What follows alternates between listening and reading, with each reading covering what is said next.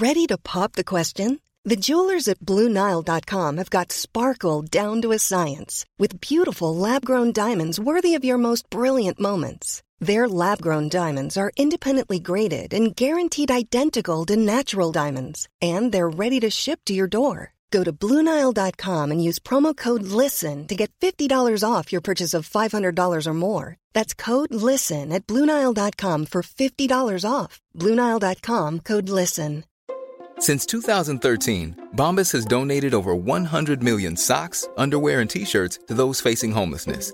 If we counted those on air, this ad would last over 1,157 days. But if we counted the time it takes to make a donation possible, it would take just a few clicks. Because every time you make a purchase, Bombas donates an item to someone who needs it. Go to bombas.com slash ACAST and use code ACAST for 20% off your first purchase. That's bombas.com slash ACAST, code ACAST. Hi, I'm Daniel, founder of Pretty Litter. Cats and cat owners deserve better than any old fashioned litter. That's why I teamed up with scientists and veterinarians to create Pretty Litter. Its innovative crystal formula has superior odor control and weighs up to 80% less than clay litter. Pretty Litter even monitors health by changing colors to help detect early signs of potential illness. It's the world's smartest kitty litter. Go to prettylitter.com and use code ACAST for 20% off your first order and a free cat toy. Terms and conditions apply. See site for details. Hej alla, Anna här. Detta avsnitt av Sagan om Isfolket-podden spelades in live inför publik under spelkonventet Gotcon. Det gör att ljudet, trots redigering, på sina ställen är lite lägre, till exempel då publiken ställt frågor och ibland är ljudet lite högre, till exempel då tutor används. Jag hoppas ni har överseende med detta och har en jättetrevlig lyssning.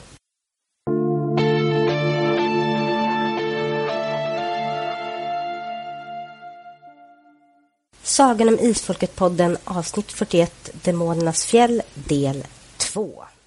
Nu ska vi utnämna de fyra största isfolket. Vilka Vad- isfolket börjar bry sig om status nämligen. Vad är det här? Vet inte. Det är fel. Ja, dels är det fel och varför ska det göras överhuvudtaget? Och det känns inte som att det är någon som... Jo, det är någon som gör det. Men de fyra största, alltså Targenol, Marco, allas favorit, Kira! och Nathaniel. Ja, och sedan så, så kör vi också upp Tengil den gode och Sol. Och jag vill nu jättegärna fråga, håller ni med om de här? Nej. Är det någon ni skulle vilja byta ut? Varför? Kom nu, kom. Jo, Sol är föreslagen som utbyt. om vi, om vi räknar på det. Tiger Noor, är det någon som tycker att han passar hemma där helt och hållet? Det känns ju som vi har känt honom ganska lite. Av Tengel så lätt så... Jag förstår inte varför den här uppdelningen ska göras. För att Ja. rita förtrollningen. Ja, det är råttfångaren som gjorde jobbet. Tula var besatt av honom. Så kunde hon och Heike lösa det relativt okej tillsammans. Mm. Men... eh, Mm. Ja. Så nej, jag tycker inte han kanske tjänar rollen som en av de största isfolket. Mm. uppdelning. Marco. Ja, Marco har ju... Ja, jag ska prata mer om Marco sen. Ja, fortsätt. att han fuskar. Ja, Mar- ja Marco exakt! Exakt, Marco fuskar. Okej, det här vill jag höra med om. Ni tycker Marco fuskar. Ja. Varför? Men Marco är OP. Han är inte balanserad.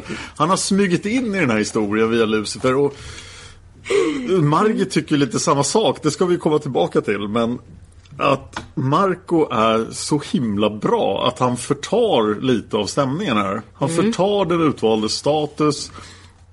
Han är bara så perfekt. Och att han är här överhuvudtaget gör ju utmaningen mycket mindre. Det är faktiskt sant.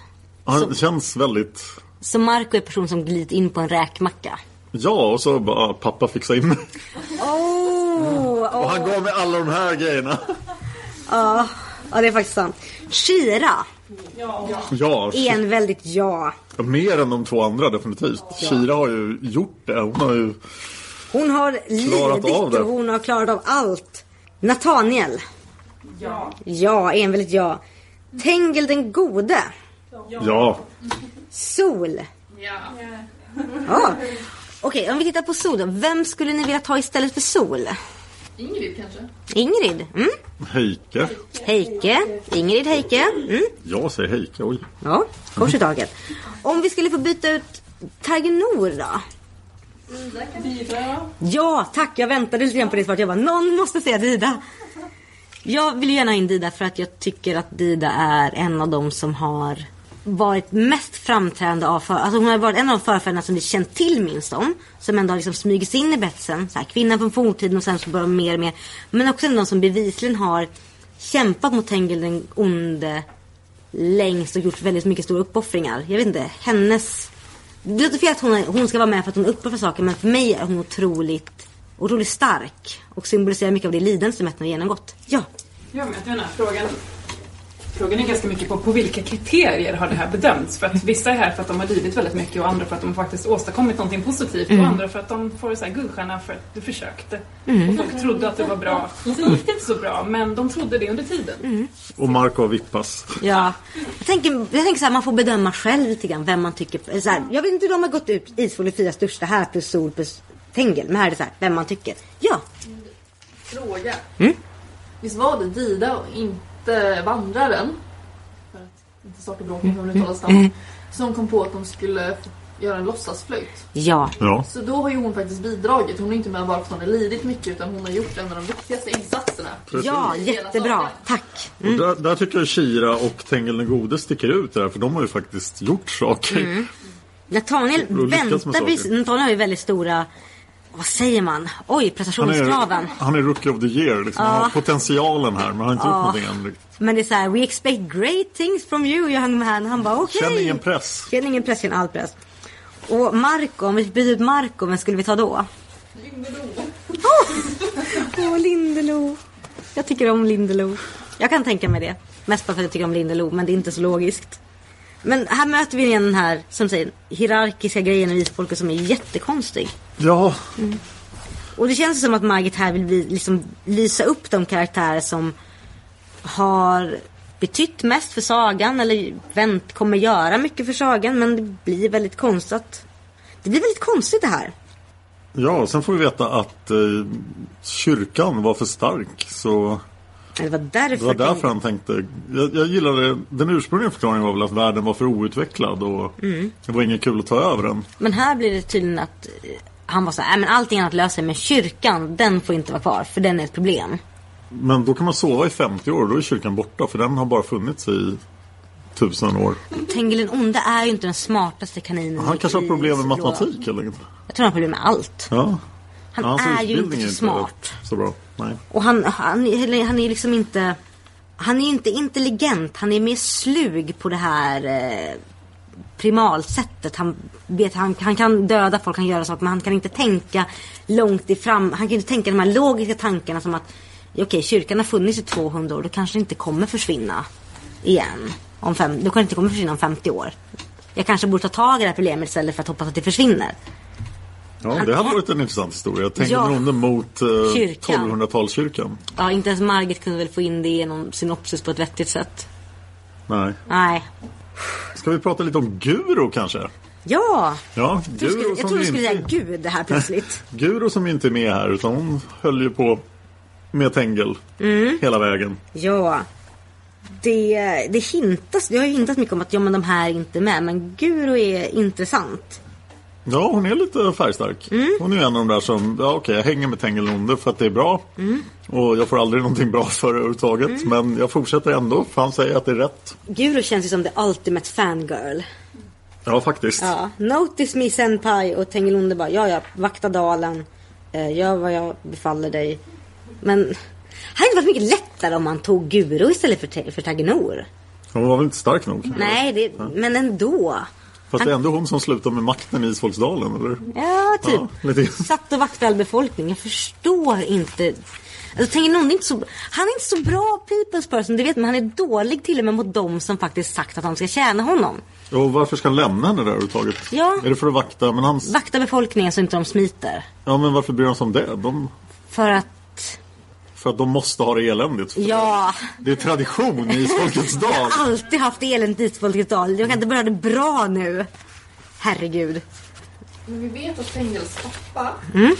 eh, Tensuko, Ja, Tenesuke, den japanska häxmästaren. han måste ha varit ganska högt utbildad. Mm. Han var i hovet. Mm. Men han dog ju när Teng- Tengel mördade honom när han var två, tre. Bra Tengil, mörda den enda som vet någonting. ja, som du kunde ha lärt dig.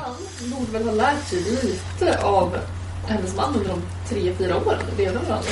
Ja, och så var han väl en vis schaman också. Ja. Så man tycker att Tengel borde vara lite smartare. Ja, det, fast det känns som att Tengel inte vill vara smart för mig. Det känns som att han vill vara dum. Ja, vad sa du? Han är lite stolt helt enkelt. Lite för stolt, ja. Han vill att allting ska vara som han vill utan att han ska behöva tänka efter. Mm. Det är ju också skillnad på intelligens och kunskap. Mm. Ja, definitivt. Han saknar båda. Men för mig... Ja, han saknar båda. Tengil Onne saknar både intelligens och kunskap. Ja. Intellektuell. Han, han tror inte. Nej, han tror inte på kunskap. Det är näst, ja, eh, ett av de bästa styckena i, jag minns inte vilken bok, där det står bara helt lakoniskt. Tegelronde var som sagt inte särskilt intelligent. Just det. Ja, men så här, han blir ju farlig för att han är så här. Han kan ju tänka logiskt. Vissa tänkte fick hitta vägar runt. Han bara, nej jag dödar folk. Jag har ihjäl folk. Och gör det. Man bara, ja det är inte logiskt att du gör det. Han bara, fuck logik. Fuck allting. Jag bara gör det. Och då blir man ju, som säger, mångdubbelt farlig. Men det känns som att Tengen Onde inte vill göra... Han, han vill bara att allt ska lösa sig. Lata jäkel! Ja, han är lat och ond. Lat och ond. Här får vi också reda på vad som faktiskt hände med råttfångaren. Att han bildade en ny folkgrupp med de där barnen. Ja, Han har något så här stadsbildningsprojekt. Ja. Anledningen att han gjorde det. jag minns att jag läste Råttfångaren i Hammel som bilderbok. För den fanns på biblioteket på barnavdelningen. Vad gjorde han med barn? Va? Jag know! Jättevackert illustrerad. Men det var mer så här att det beskriver som att råttorna kom dit och han tog råttfång, liksom råttfångaren kom dit och spelade bort råttorna och sen kom han dit och så sa han betalning och bibeln sa haha lol, fattiglapp får ingen betalning. Han bara då tänker jag spela bort era barn. Vilket han gjorde och då beskrivs det som att han gick med dem liksom, ja men tog med barnen bort och och, och staden såg aldrig sina barn igen och sen dog den ut. Jag bara jaha, det var ju en trevlig barnbok det här. Så att det känns som att lägga till det här kapitlet att barnen fick det bra. För det nämns aldrig i barnboken vad som hände med barn. Där går de typ in i en bergvägg och försvinner. Man bara, "Jaha, okej. Det är inte så... Jag, jag, jag gillade att man ändå fick liksom en slags hypotes om vad som hände med barnen här. För det behövs. Och nu ska jag lägga fram en hypotes om att Targenor faktiskt har ärvt lite av sin fars eh, mentala förmåga. Det är inte hans, det är sagt inte han som kommer på idén med den fejkade flöjten. Och sen när han ska göra sitt stora dåd.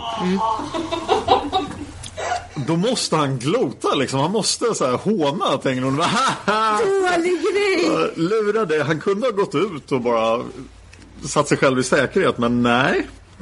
Utan han sänker Tengelon i sömn.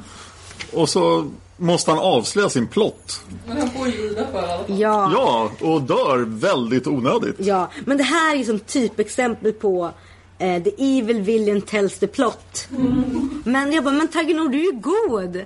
Varför står du här och håller din onda monolog högt?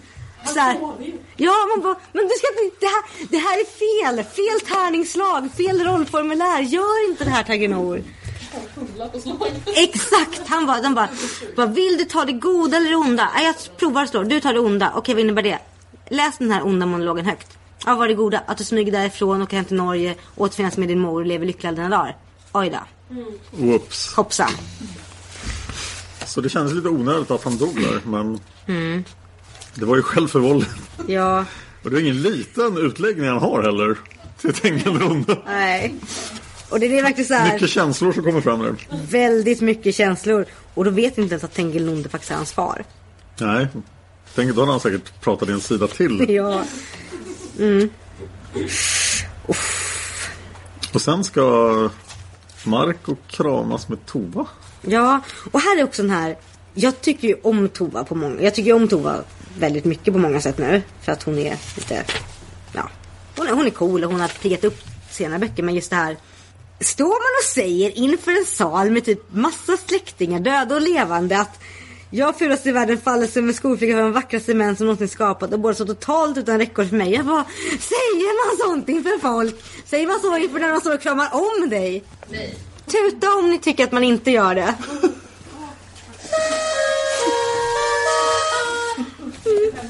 Det är lite skämskudde för jag var så här. Så här. Och jag bara, men de står och kramar och så här.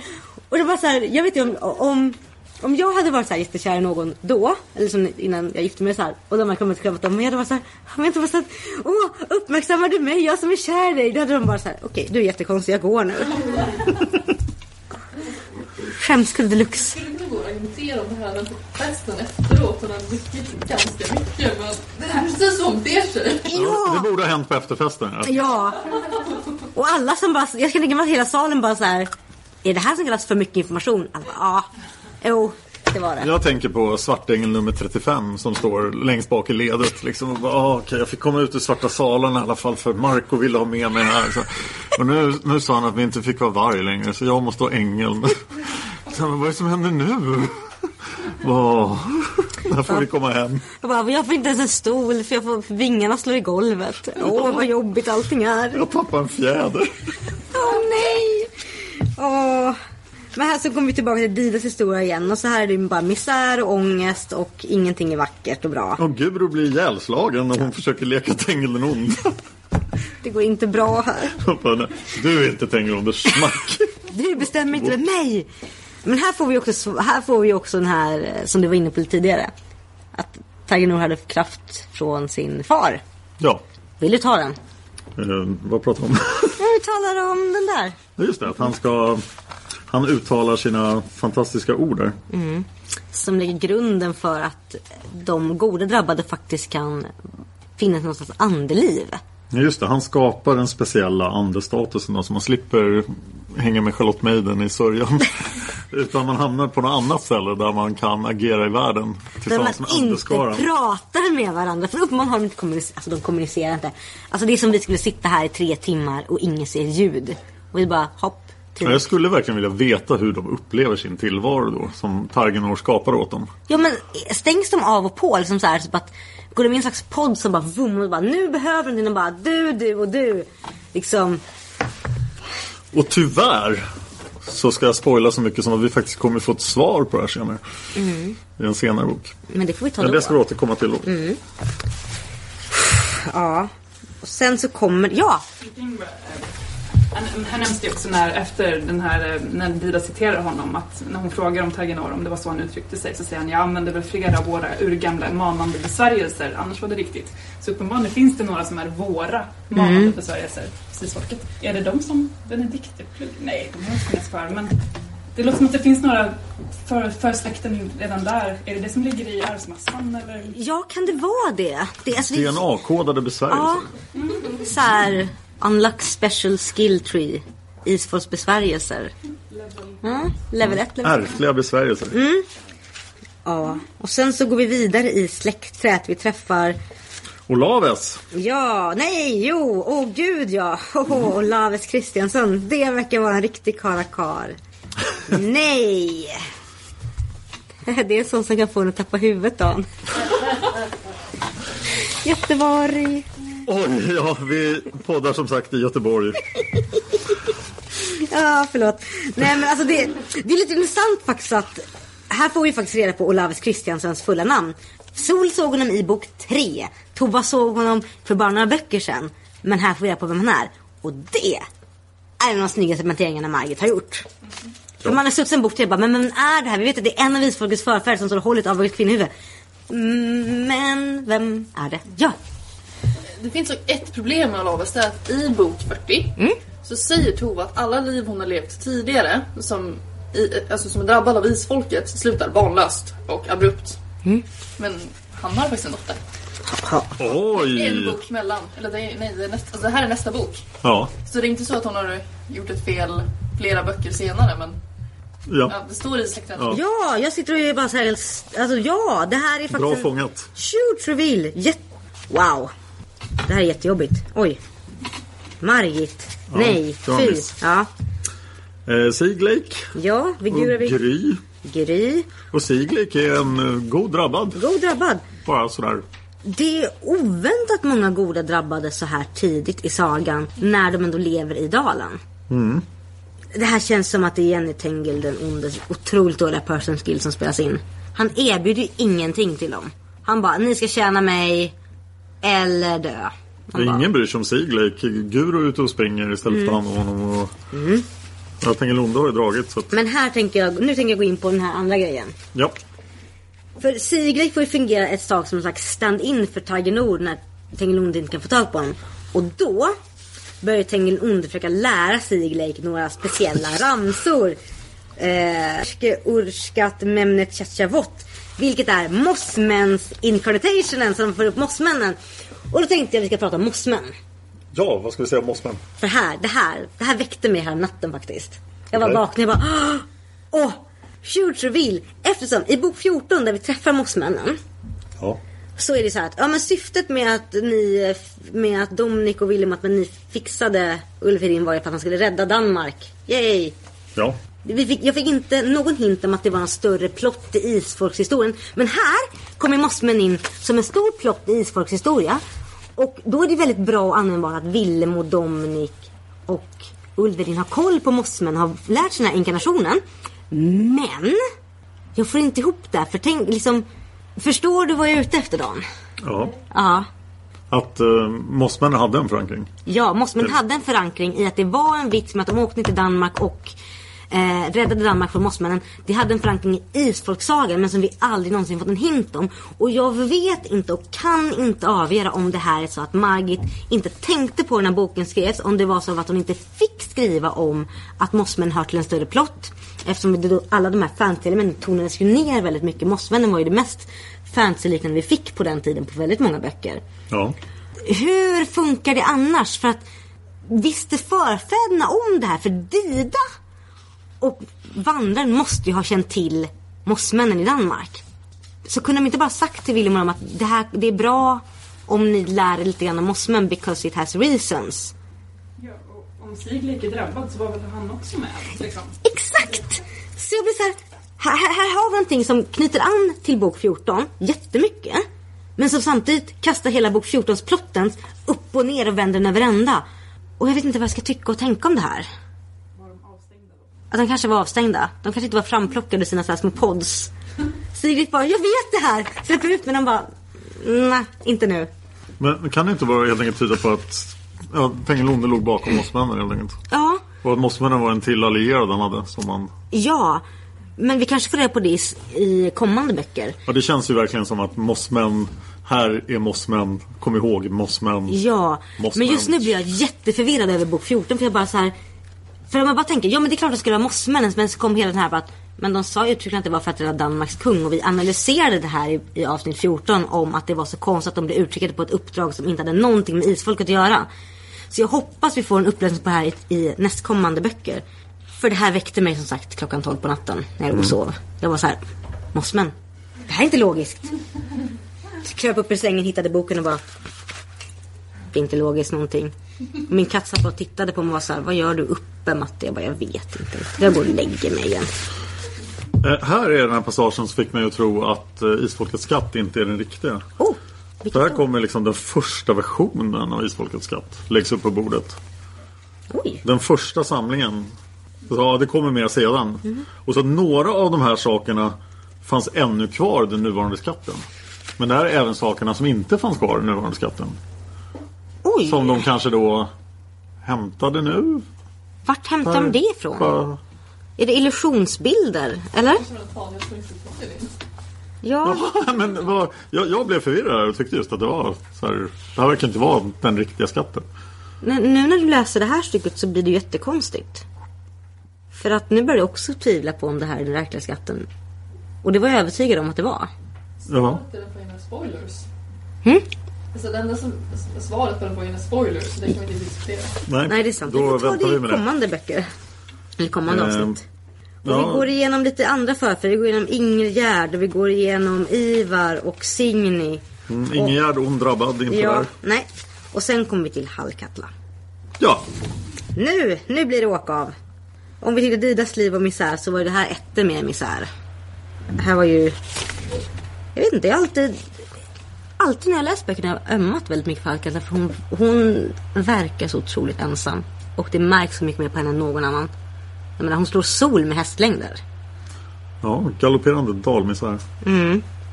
Alla är döda, min morfar skyddar mig, ingen tycker om mig, jag får bo ensam i dalen. Mat måste jag skrapa från logorven eller stjäla ur redan tömda visthusbodar. Man bara... Som inte Isfolkets dal är misär nog. Igen, det här är ett tecken på att när en karaktär som vi fick reda på i förra boken kommer in i den här boken och förankras jättebra. För jag, det känns som jag känner Hallkatla redan nu när vi läser. Men jag bara, ja ja men jag har träffat henne förut. Jag, jag, jag kan koppla an till henne och se henne som en trovärdig person. Hon känns väldigt genomarbetad. Fast hon egentligen... Hon är med väldigt kort i den här boken men...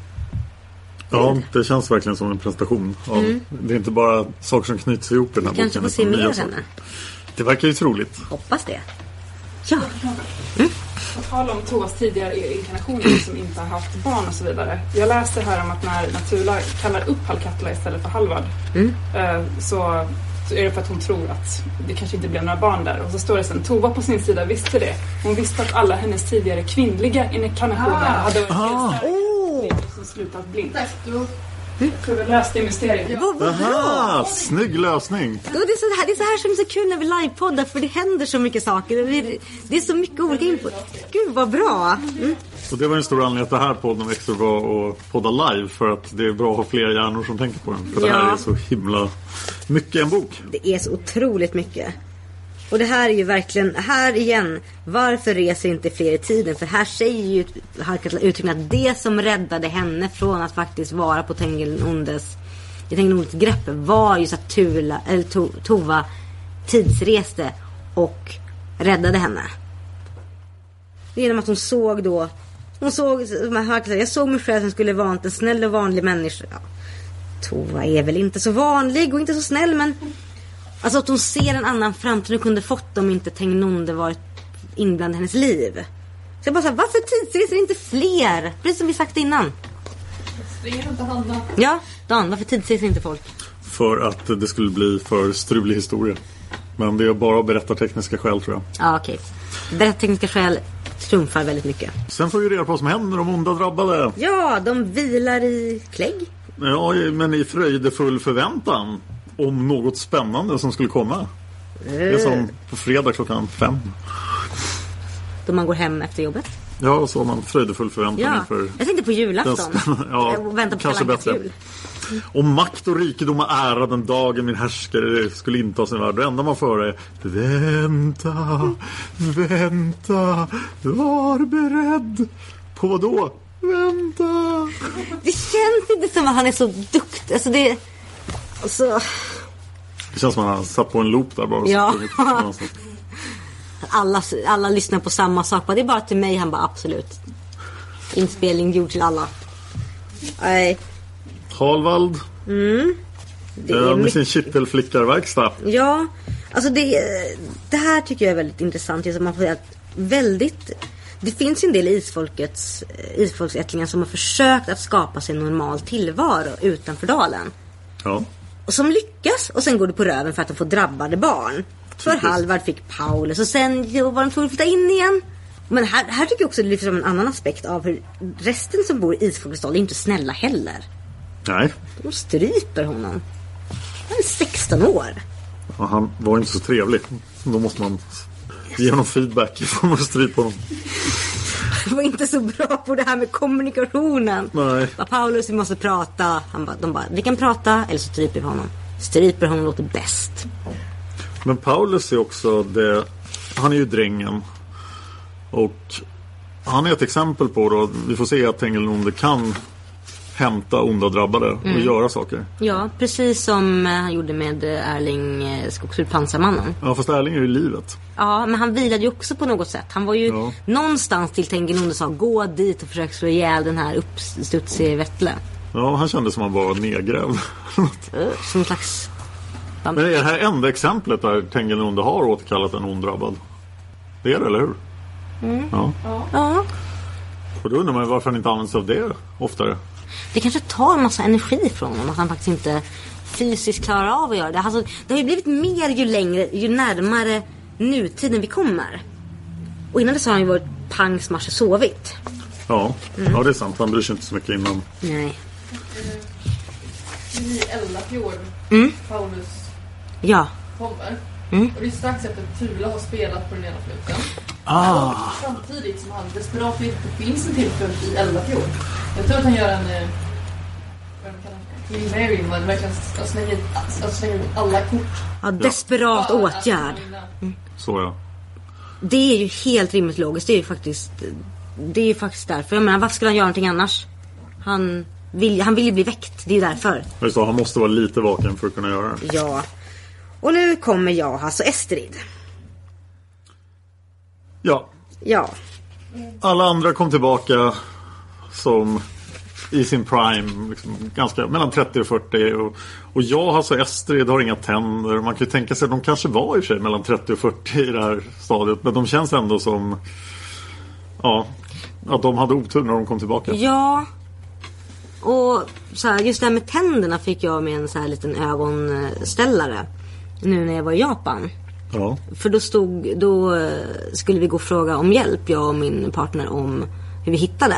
Gick fram till en, ja men en säkerhetsvakt som stod, som såg ut att vara ja, men 40-ish.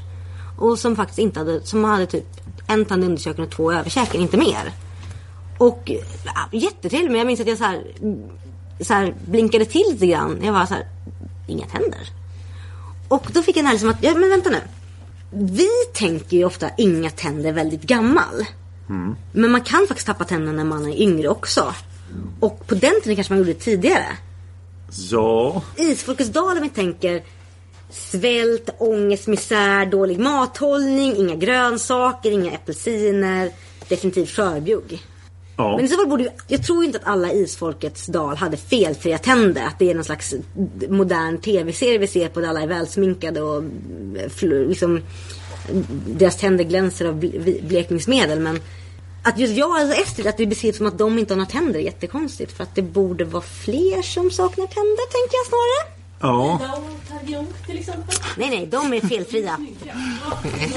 Ja, Det var ju så att på medeltiden när man tittar på eh, lik så har de oftast väldigt bra tänder. De har det? För att socker har inte slagit igenom. Utan socker slår igenom lite efter Jahas och Estrids livstid. jag kan inte tro att de hade socker uppe i dalen heller. Och dessutom ökar medellivslängden. Så att de flesta innan, alltså pratar 11 till 1400-tal, de dör så unga att de fortfarande har perfekta tänder. Och så just har de inte den här sockerkonsumtionen. Medan den kommer då, ja, 15, Då 16. faller ju hela min teori. Men jag tror i och för sig skörbjugg kan vara en annan orsak. Det finns säkert många orsaker till att förlora tänderna. Eller eller så bara alltså, spöar de Estrid- på varandra. Ja, alltså Estrid känns som folk som faktiskt skulle kunna tänka sig att ta ett rejält råkur med varandra. Eh, Men, här, men det som, just det, det här också. ja, är det samma sak som jag tänker på? Du kan ta det. Är det elavbrottet? Nej, det är en annan Nej, sak. Okej, ta den saken. Ja, eh, just det med att de drabbade utvalda är faktiskt tillsammans. Men jag har sett det, deras oförställda glädje för att vara tillsammans rörde alla. Jag bara, men de har ju man har varit tillsammans jättelänge. De har varit en drabbas utvalda skara. Vad händer här? De fick inte vara med, de fick ingen inbjudan. Nej, De har, de har, vi- de har varit i andevärlden helt ensamma. eller de fick ett eget rum. Ja. De har väl typ strömavbrott eller något sånt där. Ja. Ja, och poltergeist, wannabe existence? Ja. ja, det, det är det enda vi får reda på att de har gjort i då 500 år. Så det Eh. känns ju som att de inte har varit en del av de drabbades utvalda skara förrän typ nu. Och vi får ju reda på den här boken lite om att de drabbade döda, de kan agera om de har kontakt med någon levande. Vilket Sol säger själv. Men Ja. hon har gjort emot det här flera gånger. Ja, och vad 17, hur kan han då stänga av elen?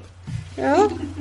Jag tänker bara också med det här att jag tror att jag fick uppfattningen tidigare när jag läste det här att de här beskyddarna liksom blir eh, utdelade till de levande nu i den här boken. Men Ja. det här verkar ju som då att Jahas och Estrid har varit Gros och Oles beskyddare ett tag.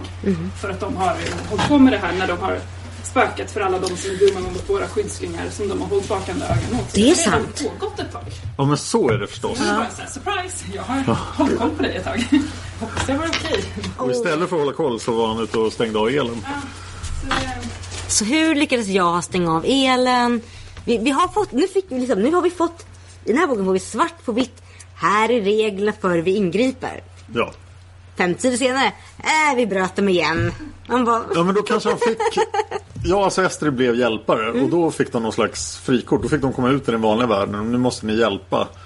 Så att Tengil den gode och hans anhang hämtade dem i sitt särskilda speciella madresserade rum de hade varit i sedan de dog. Mm. Att så här, nu behöver vi er också. Ja, grattis. Gör inget dumt, de bara okej.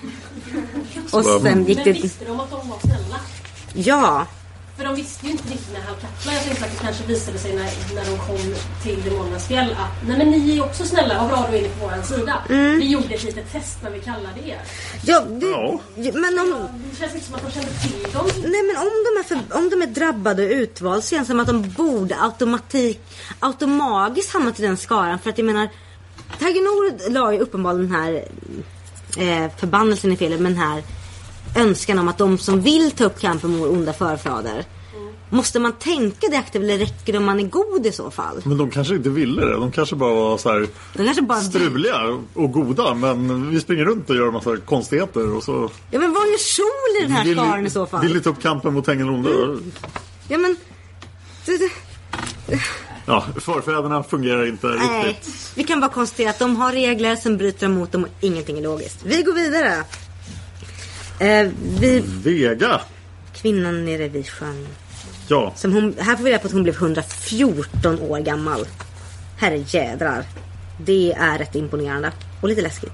ja, vi kommer tillbaka till henne i Fel och missar tror jag. Ja. Och, vi, och nu kommer vi upp, nu kommer, går vi vidare lite grann till, eh, till här Tobba som är... Tobba ja. Ja, som sägs vara en av de värsta häxorna.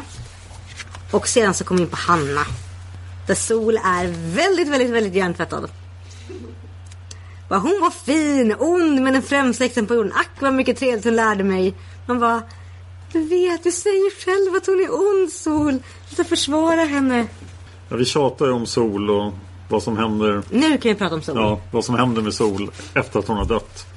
Sol är utan tvivel den populäraste karaktären i hela sagan. Ja. Det är min upplevelse. Jag älskar henne fortfarande. Och umgås eh, med isfolket-fans. Men hon blir ju mer och mer en pajas ju längre hon är död. Eh, och ja, vad är det med henne? Här till exempel Silje säger någonting. Sol då? Så tycker Sol bara kära lilla fostermor. Du har ingenting att säga till om mig nu. Det känns inte som någonting. Säger man sånt på en släktmiddag framför alla sina släktingar levande och döda? Det känns ju ingenting som Sol i bok 3 skulle ha sagt. Nej. Alls. Nej. Och det blir tyvärr bara värre. Ja, jag satt och försökte tänka igenom där att varför jag fortfarande ändå älskar så väldigt mycket. För att i, i bok tre är hon så, hon har sitt, sin, sin otroliga själsliga kamp med sin ensamhet, med att hon känner sig utanför, med att hon slits mellan ont och gott, hon letar, hon söker, hon har sin otroliga intensiva kärlek till sin familj som skiner igenom, som visar som är en empatisk som hon hjälper eh, Meta, hon hjälper till liksom med att hjälpa liv i sitt hemska äktenskap. Men hon, hon, var ju, liksom, hon var ju rolig och hade en livsglädje. Men som visade sig på att hon så här, sprang genom skogen och var liksom, kände det här liksom, livet i sig. Nu är hon bara så här, jag drar konstiga vitsar och får folk att dutta på andan. Man bara, vad är ditt mörker? Vad är, din, vad är ditt livsglädje som visar på andra sätt än roliga skämt? För att största invasionen som Sol var för mig var ju att hon faktiskt klarade sig, alltså hon klarade sig inte igenom sin förbannelse men hon klarade att göra någonting med det lilla liv hon hade och hjälpa andra på vägen. Ja. Och nu är hon bara så här. Men Sol i avgrunden är en oändligt mycket intressantare karaktär än den Sol som dyker upp i Demonernas fjäll. Och det är ändå samma person. Jag vet inte vad som hände. Ska vi... Nu börjar vi Ja, komma vi har in på- lite, lite slumpmässiga personer och sen Mm. kommer Grimar. Ja. Stackars Grimar, så ful. Och sen kommer vi till det här mest speciella som vi ska diskutera med. Va, hur, hur Gand slash Marco skötte inbjudningarna. Ja, han bjöd alltså in Tore. Och Tore är ju kanske, alltså du får ta det här. Men vi har inte sett någon osympatisk person i Isfolket som inte har varit drabbad. Alltså en, någon av Isfolksblod som inte är drabbad men som är osympatisk och inte blir inbjuden. Mm. Är Tore den mest osympatiska icke-drabbade? Sunniva den yngre verkar inte vara här. Nej. Nej. Sunniva, Och Sinsev. och Sinsev. Ja, De är inte inbjudna. Nej. Och Nugut var men. Tore är inbjuden. Men jag skulle säga att Sinsev på ett sätt lite offer som Vendela för... eh, Hon vill ju inte heller gifta sig. Och hon blir också lurad av eh, besvärjelsen. Mm. Så på ett sätt är det inte jättekonstigt att hon blir sur. Mm. Eftersom hon tydligen var kär i någon annan innan och sen kommer hennes mamma och kastar besvärjelse på henne. Mm. Inte okej. Och Nugut var ju, verkar ju inte vara så här, han var inte elak, han var bara så här, ja, jag- klart jag hjälper min syster med det här. Och var typ lite tystlåten och kanske lite trumpen. Och Sunniva den yngre var ju självupptagen men hon var ju inte elak. Hon definitivt inte ond. Nej, Tore framstår ju så mycket värre än någon av dem. han framstår som en riktig eh, familjetyrann. Och han åker ut också. Ja, och det är så här, Sunniva ville inte plåga folk. Hon ville bara hon ville bara genom världen på ett balansgolv. Hon kunde inte alltid det. Så då utnyttjade de folk, men var inte utav eh, illvilja. Nej. Det här stärker min tes om att Tengil den gode har inte fått kolla på inbjudningslistan. Det här har Gand skött helt själv. Gand eller Marco. Och det här är också grejen att man kanske ska kolla av med personen att du... Finns det en orsak att du aldrig pratar om din morfar? Eller kanske? Nej? Ja, klart märkligt. Jättemärkligt. Märklig passage. Sen kommer ju Eldrid tillbaka. Ja! ja! Så får vi veta hur det gick för henne. Det är jättefint. Det är en person som jag saknar faktiskt i sagan. Man fick, reda, man fick inte reda på. Ja, det fanns många bra bikaraktärer där i början. Mm. Huh, Oh. ett kapitel kvar. Ja, nu kör vi. Och här Och så kommer... lite eftersnack. Lite grann missar. Ja, Ja. Mm, lite kommentarer. Lite kommentarer. Den här bunten med papper. Men om vi bara så här, här kommer vi igenom med, här kommer vi till Tarangajerna. Och det är ju jätteintressant. ja, Tarangajerna. Mm. Där vi går igenom de drabbade i Tarangais historia. Och vi, de goda drabbade har vi då. Det är fem stycken. Det är Inu som är, som är då Tengils eller Tangils son, sons, son, son. Just det, får han få tre drabbade på raken som Ja, onda? och det är Vintersorg, det är Katt och Kattgil. Just det. Katt och Kattgil, så var det. Där funkar ju förbannelsen mycket bättre än i Norge. Ja. Och sen, så, och sen kom Inu. Och sedan så kom... Han som var född i dörren. Ja. Mm. Eller han som Jättekonstigt. var född i tältfliken. Jättekonstigt. Ja. ja. Han berättar om den farliga som kallas för skräcken. Och sedan kommer stjärnan som lossnade och flög över himlen. Men vi kallar det för stjärna. Som, och sen så berättar vi om Ga, Gavar. Gavar. Gavar och Hir. Och så berättar de om då ondskans öga som Wendel var med om och såg faktiskt i Ja, Tarangai. som ju faktiskt var med i boken. Mm. Och Tarangai, när de berättar om de här drabbade Tarangai så är det här det främsta exemplet med att förbannelsen inte funkar. Nej, förbannelsen drabbar ju inte en person i varje släktled. Det kan vi konstatera väldigt bra här. Den, har, den här löper den ju hej vilt och då upplever jag att Margit försöker säga att ja men vi hade ju en fri generation här som var då Ivar och Signis. Men sen så de andra är ju de andra fy, fyra drabbade plus de andra fyra goda drabbade plus de här onda drabbade är ju intryckta i generationen där det bevisligen i Norge finns drabbade. Så här löper vi, här tappar vi allt koncept om hur förbannelsen funkar. Ja, det är tio drabbade i Tarangai utom Mar. Ja. Och man kan ju kanske anse att då Vintersorg, Katt och Kattgil var någon slags generationer före Gil den grymme då. Fast de är ju fortfarande i samma generation. Ja, de är det är de ju. Barn. Och då, det hoppar ju inte generationer för att tiden är utskjuten. För att... Nej, det gör det inte. Det, det blir ju ett generationshopp för att Saga får, eh, för att eh, eh, Anna-Maria får barn så sent. Ja just det, men det, det hoppet blir ju för att regeln håller. Att liksom, generationen är Mm. så att det ska vara två personer samtidigt. Men då borde ju Vintersorg och Gil den grymme vara i samma generation. Mm. Men det är de ju uppenbarligen inte då. Och, Men och då kan man rädda de tre, men man kan inte rädda de sju andra drabbade. Och om man tittar på hur släktforskning ofta funkar. Så är det så att om, om mina föräldrar får, om mina föräldrar får eh, Ja, men om de, mina föräldrar fick mig och sen fick de min bror tio år senare. Vi är fortfarande i samma generation jag och min bror fast det är så pass många år mellan oss. Så det är det som gör det blir lite rörigt här men vi kan konstatera att förbannelsen löper amok. Men det är helt okej för vi får in massa nya drabbade från Tarangai. Jag är helt okej med att den löper amok faktiskt. Vad tycker du Dan? Ja, ehm, ja det är helt okej. Det är mer drabbade desto roligare. Men jag tänkte på Dida och Targenor där. Mm. För Targenor är i samma generation som Olaves och de är båda drabbade. Men det kanske var värre när Tengil den onde levde. Mm, När han, innan han blev nedsövd så kanske förbannelsen var värre för där kom alla de onda drabbade. Mm. Eller Väldigt många drabbade. Ja, då kan vi rädda några fler än tre, men vi har fortfarande alla de här. till det, desto, desto större chans är det att det blir en drabbad. Ja men det känns, jag, jag vill köpa den förklaringen. Det är lite grann som att det är mer koncentrerat sen späds det ut. Kan vi köpa den förklaringen? Nej, men vi, vi, vi, vi, vi tar den för det är Oh, bästa vi no. har. Ingen förklaring. Ja. Ja, och sen händer det något jättekonstigt på slutet. Ja, Är vi redan där? är vi redan här? Nu är vi redan här. För de har ju, det har hintats i hela den här boken om att det är en till som sitter med i Högsta rådet. Som inte vi kan avslöja. Och här är isfolkets största. Men det är en som ni inte har träffat än. Nej, och, eh, ja, och så kommer Rune in. Ja, men han blir ju skjuten i huvudet. Ja, och han dog ju. Och hur känner ni Rune? Och han känner alla. Ja, han känner inte bara Jonathan. Utan han känner Sol, Ingrid, Daniel, Heike. Och Heike börjar gråta och Nathaniel rusar upp och bara Där är ju du! Min vän, min allra käraste vän som jag saknat så bittert. Ja, och Henning. Ja, det här är så fint. Och Henning var så lätt du var att känna igen. Jag visste det ögonblickligen.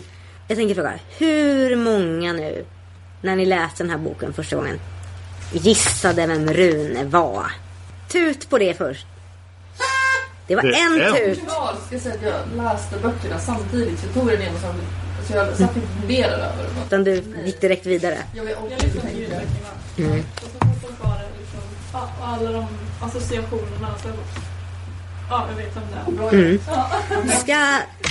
Så nu ska vi lämna en spoilervarning då, för nu kommer vi att spoila. Ja. Spoiler, spoiler, spoiler, spoiler, Ja. spoiler. Vem Rune är. Och det kommer inte förrän i nästa bok då. Men vi tänker spoila det här för annars blir, måste vi stryka en massa kommentarer vi har fått. Och det vill vi inte. Och det vill vi inte göra. Men jag trodde verkligen att det avslöjades i den här boken. Så jag Jag blev med. jätteförvånad när det inte avslöjades.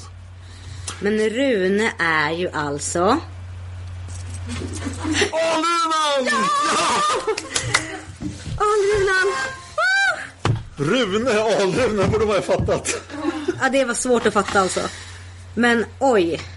Där avslutar vi Demonernas fjäll med en cliffhanger av rang. Ja, Huff. och nu har jag inte tittat i bok 42 på länge. Men eller, ja, jag undrar vad, hur länge det fortsätter i bok 42. Det märker vi. Det kommer jag märka. Mm. Jag undrar ju hur lyckliga de var som läste de här när de kom ut. Ja! Åh, Game of Thrones ain't got nothing on isfolket på det här. ja Margit skriver lite snabbare än George R. R. Martin också. Ja, Margit visste hur man levererade. Var det två månader mellan böckerna? Det var lite mindre då. Knappt ens det tror jag. Ja, nej men sex, sex böcker om året i åtta år. De skrev ju under Lucifers inflytande. Ja, just det. Ska vi gå igenom lite fel och missar tänkte jag. Det kan vi börja med. Ja, vi har ju på forumet så har vi ju en del som heter fel och missar i böckerna. Då bok nummer 41, Demonernas fjäll, den tråden är tre sidor lång. Ja, så vi är inte klara än. Och första är från dig Dan. Va? Ja, det är du. Ja, men det är för att jag har klippt in från den gamla sidan som fanns innan forumet. Åh herregud. På vikingatiden, där hittade jag på en runsten. Där det stod att jag är så Estrid inte har några tänder. Ja, just det, alla goda förfäder blir unga och friska och hela igen utom jag så Estrid som i Demonernas fjäll ler brett med sina ytterst få tänder. Lars på sidan 121 beskrivs som trött och sliten, borde inte 400 års vistelse i dödsriket ge lite vila. De tre paladinerna på sidan 76-77 som ombesörjer sina erfarenheter från 30-åriga kriget till förfogande. Alexander har mycket att säga. Tanken var bara 20 när kriget upphörde och borde inte ha så mycket erfarenhet just det kriget. Och Tristans föddes inte förrän 10 år efter krigets slut. Jag tyckte det var lite lustigt när paladinerna kom in i salen. Det lät som att det var en hel armé. Man var skrammel och Mm. Men det är så fint! Vi Ja. tycker om paladinerna. Hallkatla säger på sidan 79 att hon aldrig varit utanför Isfoklets dal. Hennes far berättar på sidan 212 att hon var åtta när hon flyttade till dalen. Mhm. Ja, det borde man ju komma ihåg. Ja, och här kommer igen det här upp det här ologiska med att Tore var inbjuden men Sinstjevon och Gutt som inte var inbjudna. Heike säger att när Vanja berättar om mysteriet med Marco, Imre och Gant så säger hon på sidan 94 att Marco var Sagas andra barn. Men alla vi som läst om Marcos födelse i, nummer, i bok nummer 29 på sidan 250 vet att Marco föddes först och att Ulvar var Sagas andra barn. Dåligt Vanja som inte har koll på det.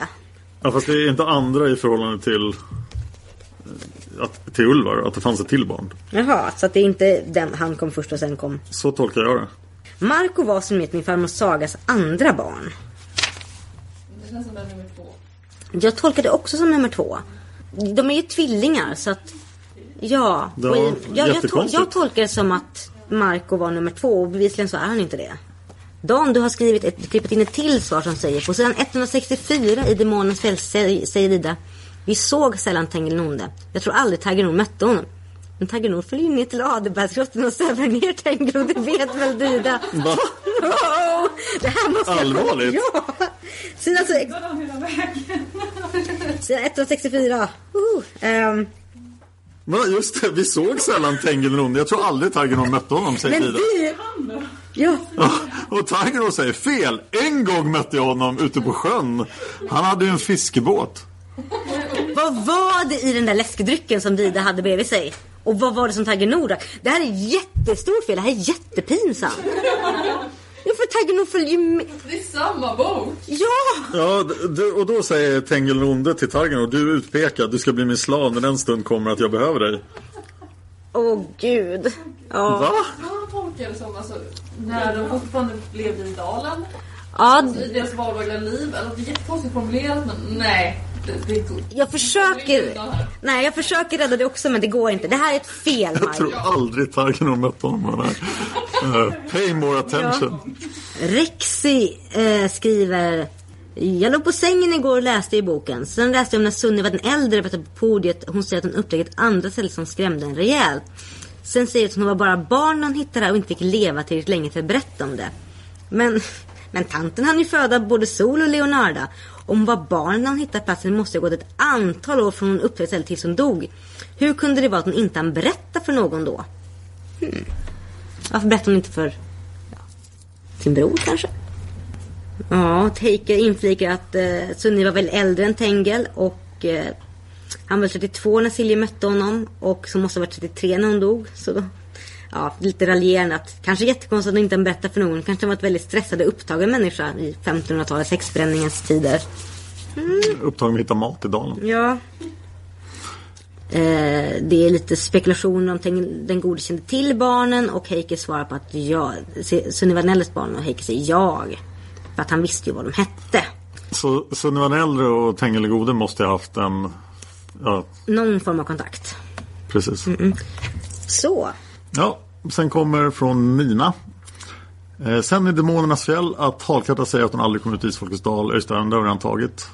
Ja. Att Halkatta förmodligen menar att hon aldrig kom ut och såg världen som vuxen. Men det är, då säger man det. Såg aldrig dalen som vuxen. Det är en annan sak. Heike säger Hallkatta beskrivs som mager och blåfrusen. Kunde inte flickstackaren i alla fall sluta frysa efter döden? Mm. Det hade blivit en del av hennes grej. Ja.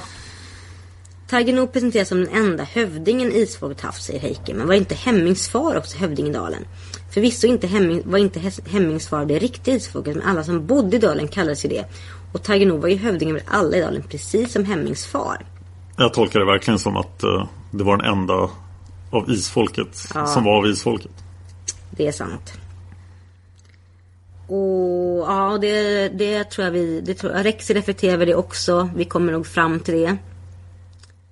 Eh, och Nord var krönt till kung och inte till hövding. Så.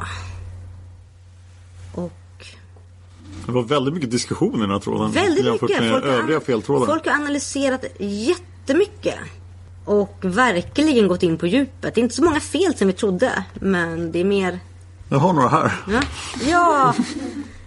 Och här kommer igen Gabriella som reflekterar över det här med att Irovar inte kom med till grottan. Mm. Håller med?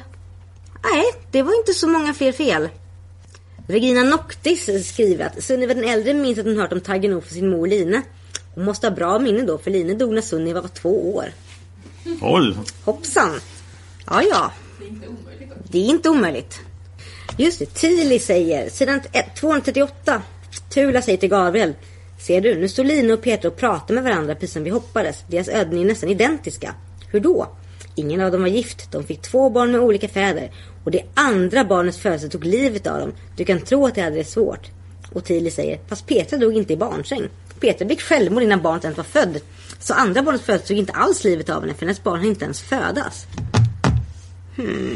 Hon skulle ju födas... Ja, Fast anledningen till att hon tog livet av sig var ju att hon väntade ett barn till och hon inte skulle klara det. Så barnet tog livet av henne. Hade hon inte fått det andra barnet och blivit gravid eller blivit våldtagen andra gången. jag tror hon blev... Så hade hon kanske inte tagit livet av sig utan det var det här som...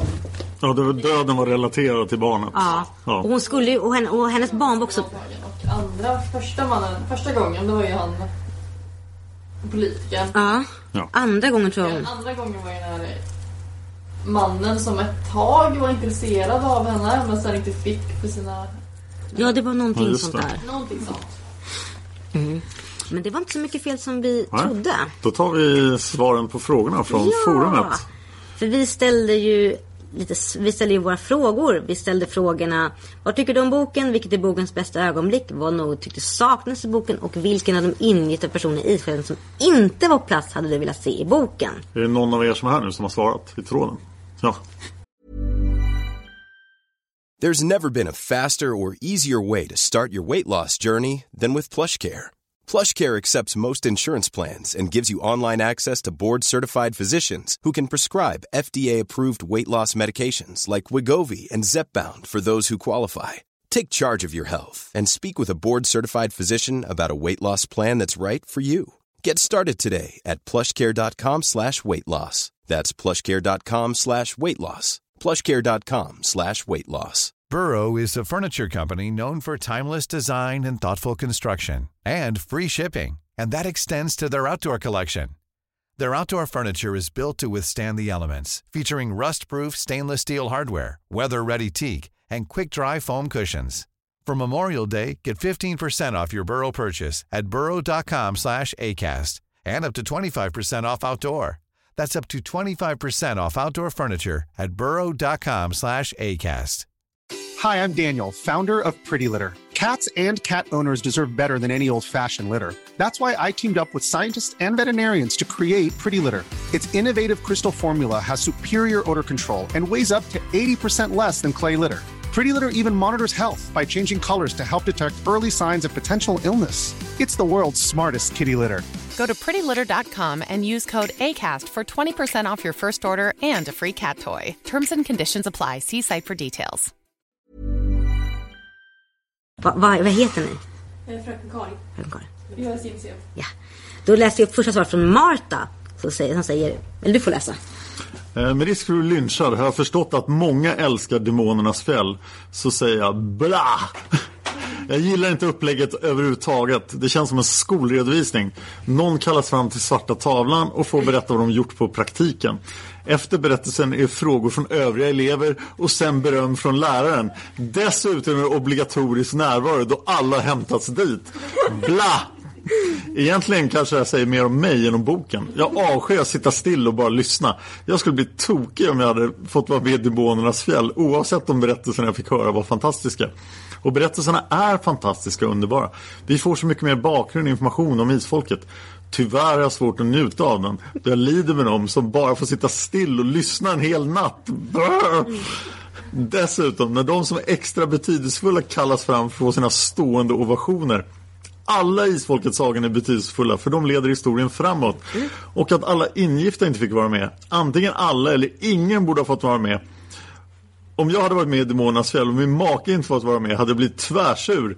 Även om han inte betyder för alla är han det för mig. Vi är ett team. Tråga på allt så utmålas Silje som korkad och naiv.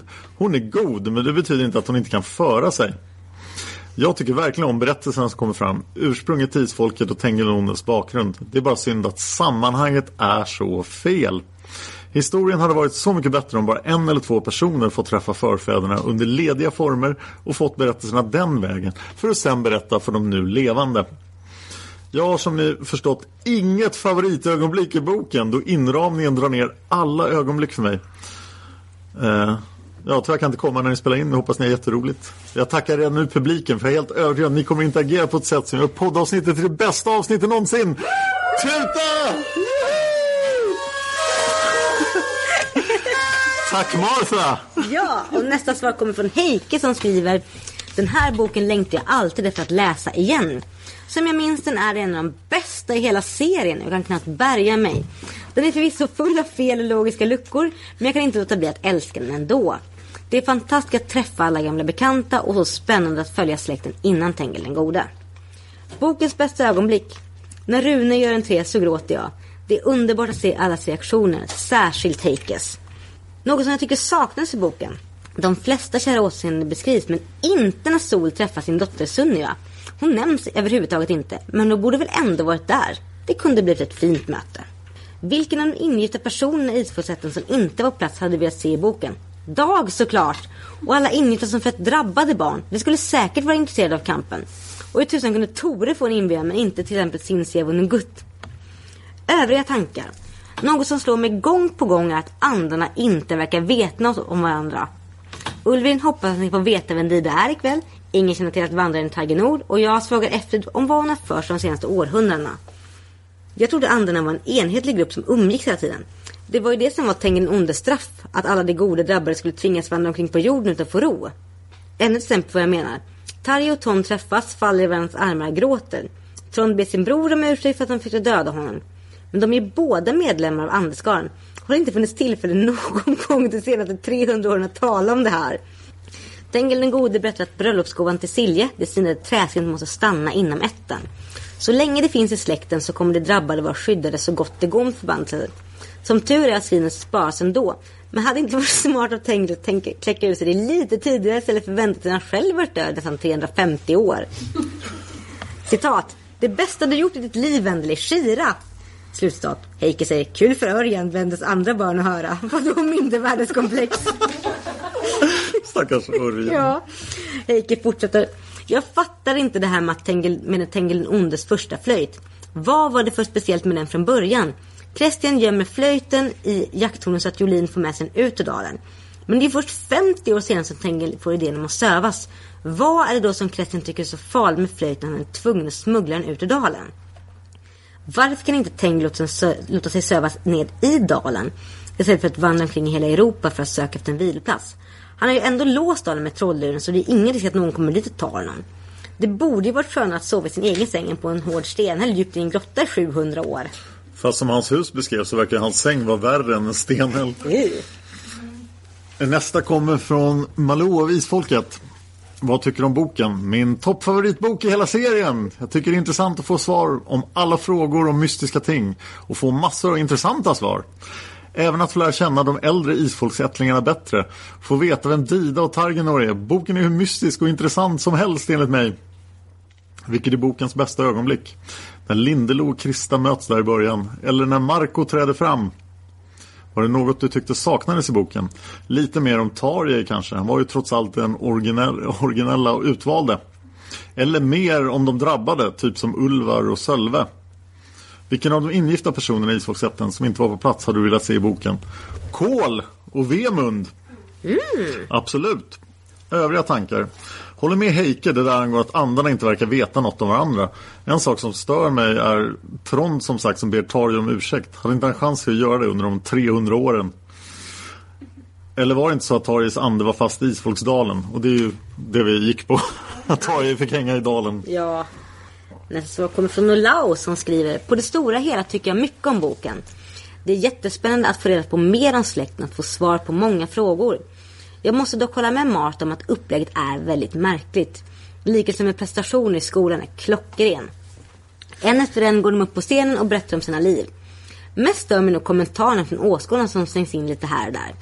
Det påminner mig ofta om den där insmickrande eleven som satt längst fram och ivrigt räckte upp handen för att få på frågor som inte ens har ställts. Bokens bästa ögonblick. Alla återscenerna. Jag vet inte om jag har gråtit av isfolket förut, men när Heike och Vinga fick se varandra igen och när det hördes att Paladinen var på ingång så fällde jag en tår. Alexander Paladin kan vara min favoritkaraktär i hela sagan. Kommer inte på något som jag tycker saknas i boken. Minnet är kort trots att jag lyssnade på boken för mindre än två veckor sedan. Jag håller med till en miljon procent om att Dag borde fått vara med. Glömde Margit helt enkelt bort honom? Håller också med om att alla har varit viktiga på sitt sätt. Hade de bara en viss mängd väcka döden magi att använda? Jag hade gärna sett Caleb och Cool eftersom de är stora favoriter hos mig. En undran. Är det bara jag som är dum som inte förstår hur andra lyckas lista ut Marcos hemlighet? Till, tillskrivs det att han kände Marco väl eller i anledning att han är släktforskare? Jag tycker inte att det håller i så fall. Henning som känt Marco sedan han är nyfött borde ha förstått i så fall. Och nästa svar från Tan, Tiny Bunny Snäll. Snail. Snail. Tiny Bunny Snail. Förlåt att jag missade En ditt namn. nyföding på forumet. Ja, Välkommen. två inlägg. Välkommen. Ja, äntligen. Demonernas fjäll. Jag är inte en fan. Jag vet att alla älskar den här boken. Jag förstår varför. Men förlåt, jag blir galen på den. Den har så bra material. Allt vi får veta om Isfolkets dal innan Tengil den godes tid. Och speciellt berättelsen Dida, Targen och Tili. Kanske det bästa och mest gripande som Margit någonsin har skrivit. I en egen bok hade detta varit hands down den bästa i sagan. Men det funkar inte som helhet för mig att, för att inramningen drar ner den något enormt. Skolredovisningen jättebra beskrivning. Själv kan jag inte få ut ur ordet företagskonferens ur huvudet. Trots att det hela säkerligen ska verka drömskt och surrealistiskt känns hela mötet i Demonernas fjäll med scen, moderator, podium och en publik som serveras maffiga kakor med massor av vispgrädde. Stön, alldeles för modernt och passar inte alls in och bryter stämningen helt för mig. Inte hjälper heller alla är sötsliskigt teambuilding-peppiga genom hela boken. Även när det borde gå emot deras karaktär. Allt ömsesidigt beröm och titta så bra sammanhållning vi har myskänsla. Från alla håll står mig till slut upp i halsen och blir jag nästan självgod. Lågvattenmärken är allt ifrån maten, läskedryck någon, till otidsenliga, otidsenliga uttryck. Jojemejolheden gör comeback med Hej kompis blir jag alltså Estrids tokroliga strömavbrott av hela Oslo som bara blir buskis. Sammanfattningsvis, tänk Lilja Forever möter serietidningen Bamse. Oj. Oj, det var nära min liknelse om Ljusets rike som jag ska återkomma. Oj, oj. Inte heller funkar Rune för mig. Alruna var mystisk, fantasieggande och oklart om det var ond eller god vilket gjorde den farlig och fascinerande. Rune är blyg, tråkig och träig, no pun intended. Känns som helt olika karaktärer och medan Alruna var levande och spännande är Rune imponerande och ointressant och bara meh. En definitiv förändring till det sämre. Och jag förstår inte meningen med att göra Alrunan till människa. Too much.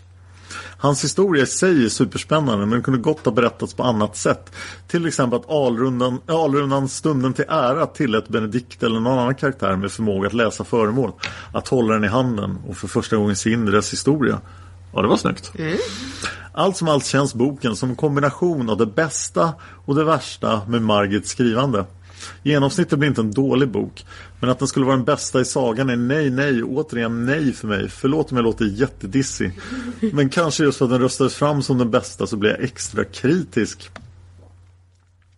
Bokens bästa ögonblick är Didas historia, absolut. Bästa karaktär är också absolut Dida. Någonting som saknades i boken då? Stämning och i princip alla karaktärers personlighet. Men mest kanske onda drabbade innan Tengil den gode. Här kände jag det var en jättechans som Margit missade. Hon hade kunnat öka spänningen inför slutstriden och bara ha två, tre goda drabbade innan Tengil den godes tid. Vår utvalda hade fått fler fiender och det hade stämt överens med vad vi tidigare fått berättat för oss. Istället känns, det som att det är hälften goda, hälften onda. Och det underminerar också vad Tengil den gode gjorde med sin besvärjelse. Vilken av de ingifta personerna hade du helst velat se? Dag, I guess. Eh, känner antingen alla eller ingen alls hade varit mer logiskt. Nu blev det någon slags konstig hierarki, vilka som hade betytt mest. Sist men inte minst, tusen tack Anna och Dan för världens bästa podd. Lyssna slaviskt och älskar er. Kan tyvärr inte gå på livepoddandet, men stort lycka till. Tack så mycket. Nästa svar kommer från Marraflårsdotter som också är ny på forumet. Välkommen! Som skriver, jag är helt ny på forumet så först och främst hej! Jag hittade podden för typ fem dagar sedan. Hittade hit, för, hittade hit till forumet genom den. Och har sedan fullständigt mölat alla avsnitt fram till bok 24. Där jag nu är i min omlyssning av sagan. Böckerna läste jag för nästan 20 år sedan och har nu under föräldraledighet återupptäckt den på Storytel och även hittat er vansinnigt härliga podcast. Ja, tack! Demonernas fjäll. Well, jag minns inte att det var en så big deal som många verkar tycka.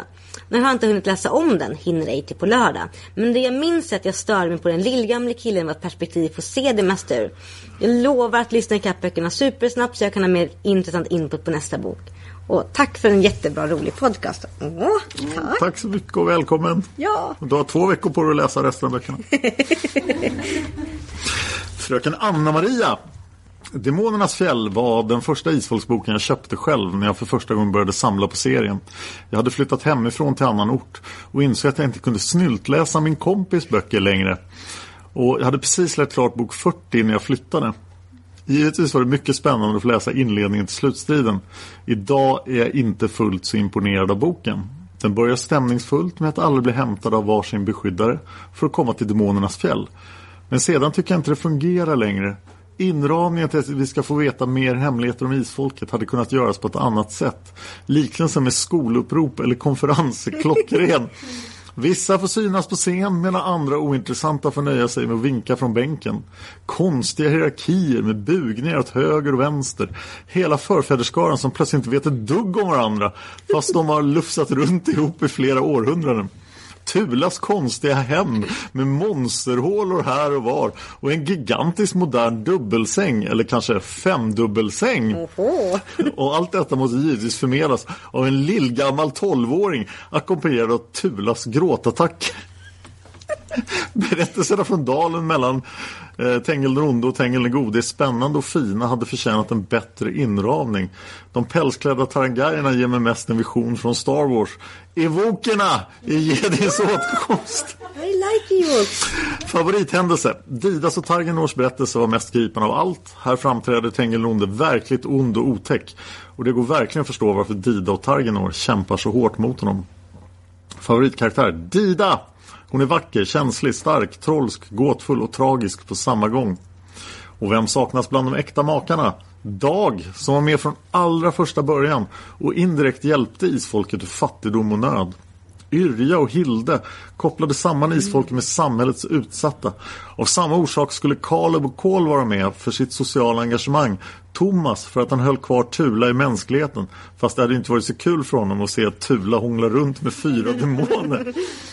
Och varför var Sunniva den yngre Sinsev en gutt uteslutna när den vidrige Tore hade släpats dit?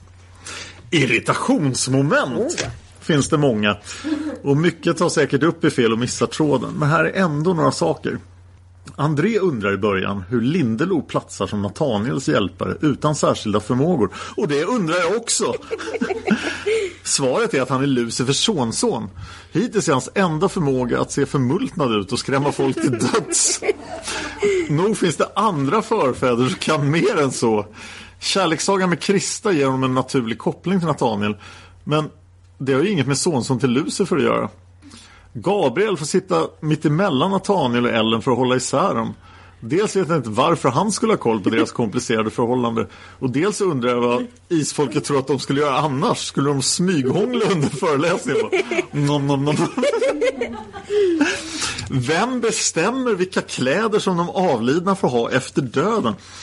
Förfäderna har tydligen någon sorts ljus klänning, tunika, lätt och praktiskt. Förutom paladinerna som måste släppa runt på 1600-talsrustningar, bergor, plymförsedda hattar, knäbyxor och högklackade kragstövlar. Enligt berättaren det mest manliga modet som har funnits. Taragajerna är för evigt dömda att bära päls. Elisabeth får vara glad att ingen i isfolket, utom den frånvarande Sölve, har uppskattat pudrade peruker. Annars har de säkert fått ett astmaanfall när det var som mest ödemättad stämning i salongen. Nej, jag gillar inte boken som helhet, men det finns fina berättelser i den. Och jag vill ju veta hur sagan ska sluta. Ja. Och nästa svar kommer från Silja Angrimsdotter som skriver Denna boken hade kunnat vara oändligt mycket bättre än den är. Berättartekniskt är den på... Är den... Mm. På långt när.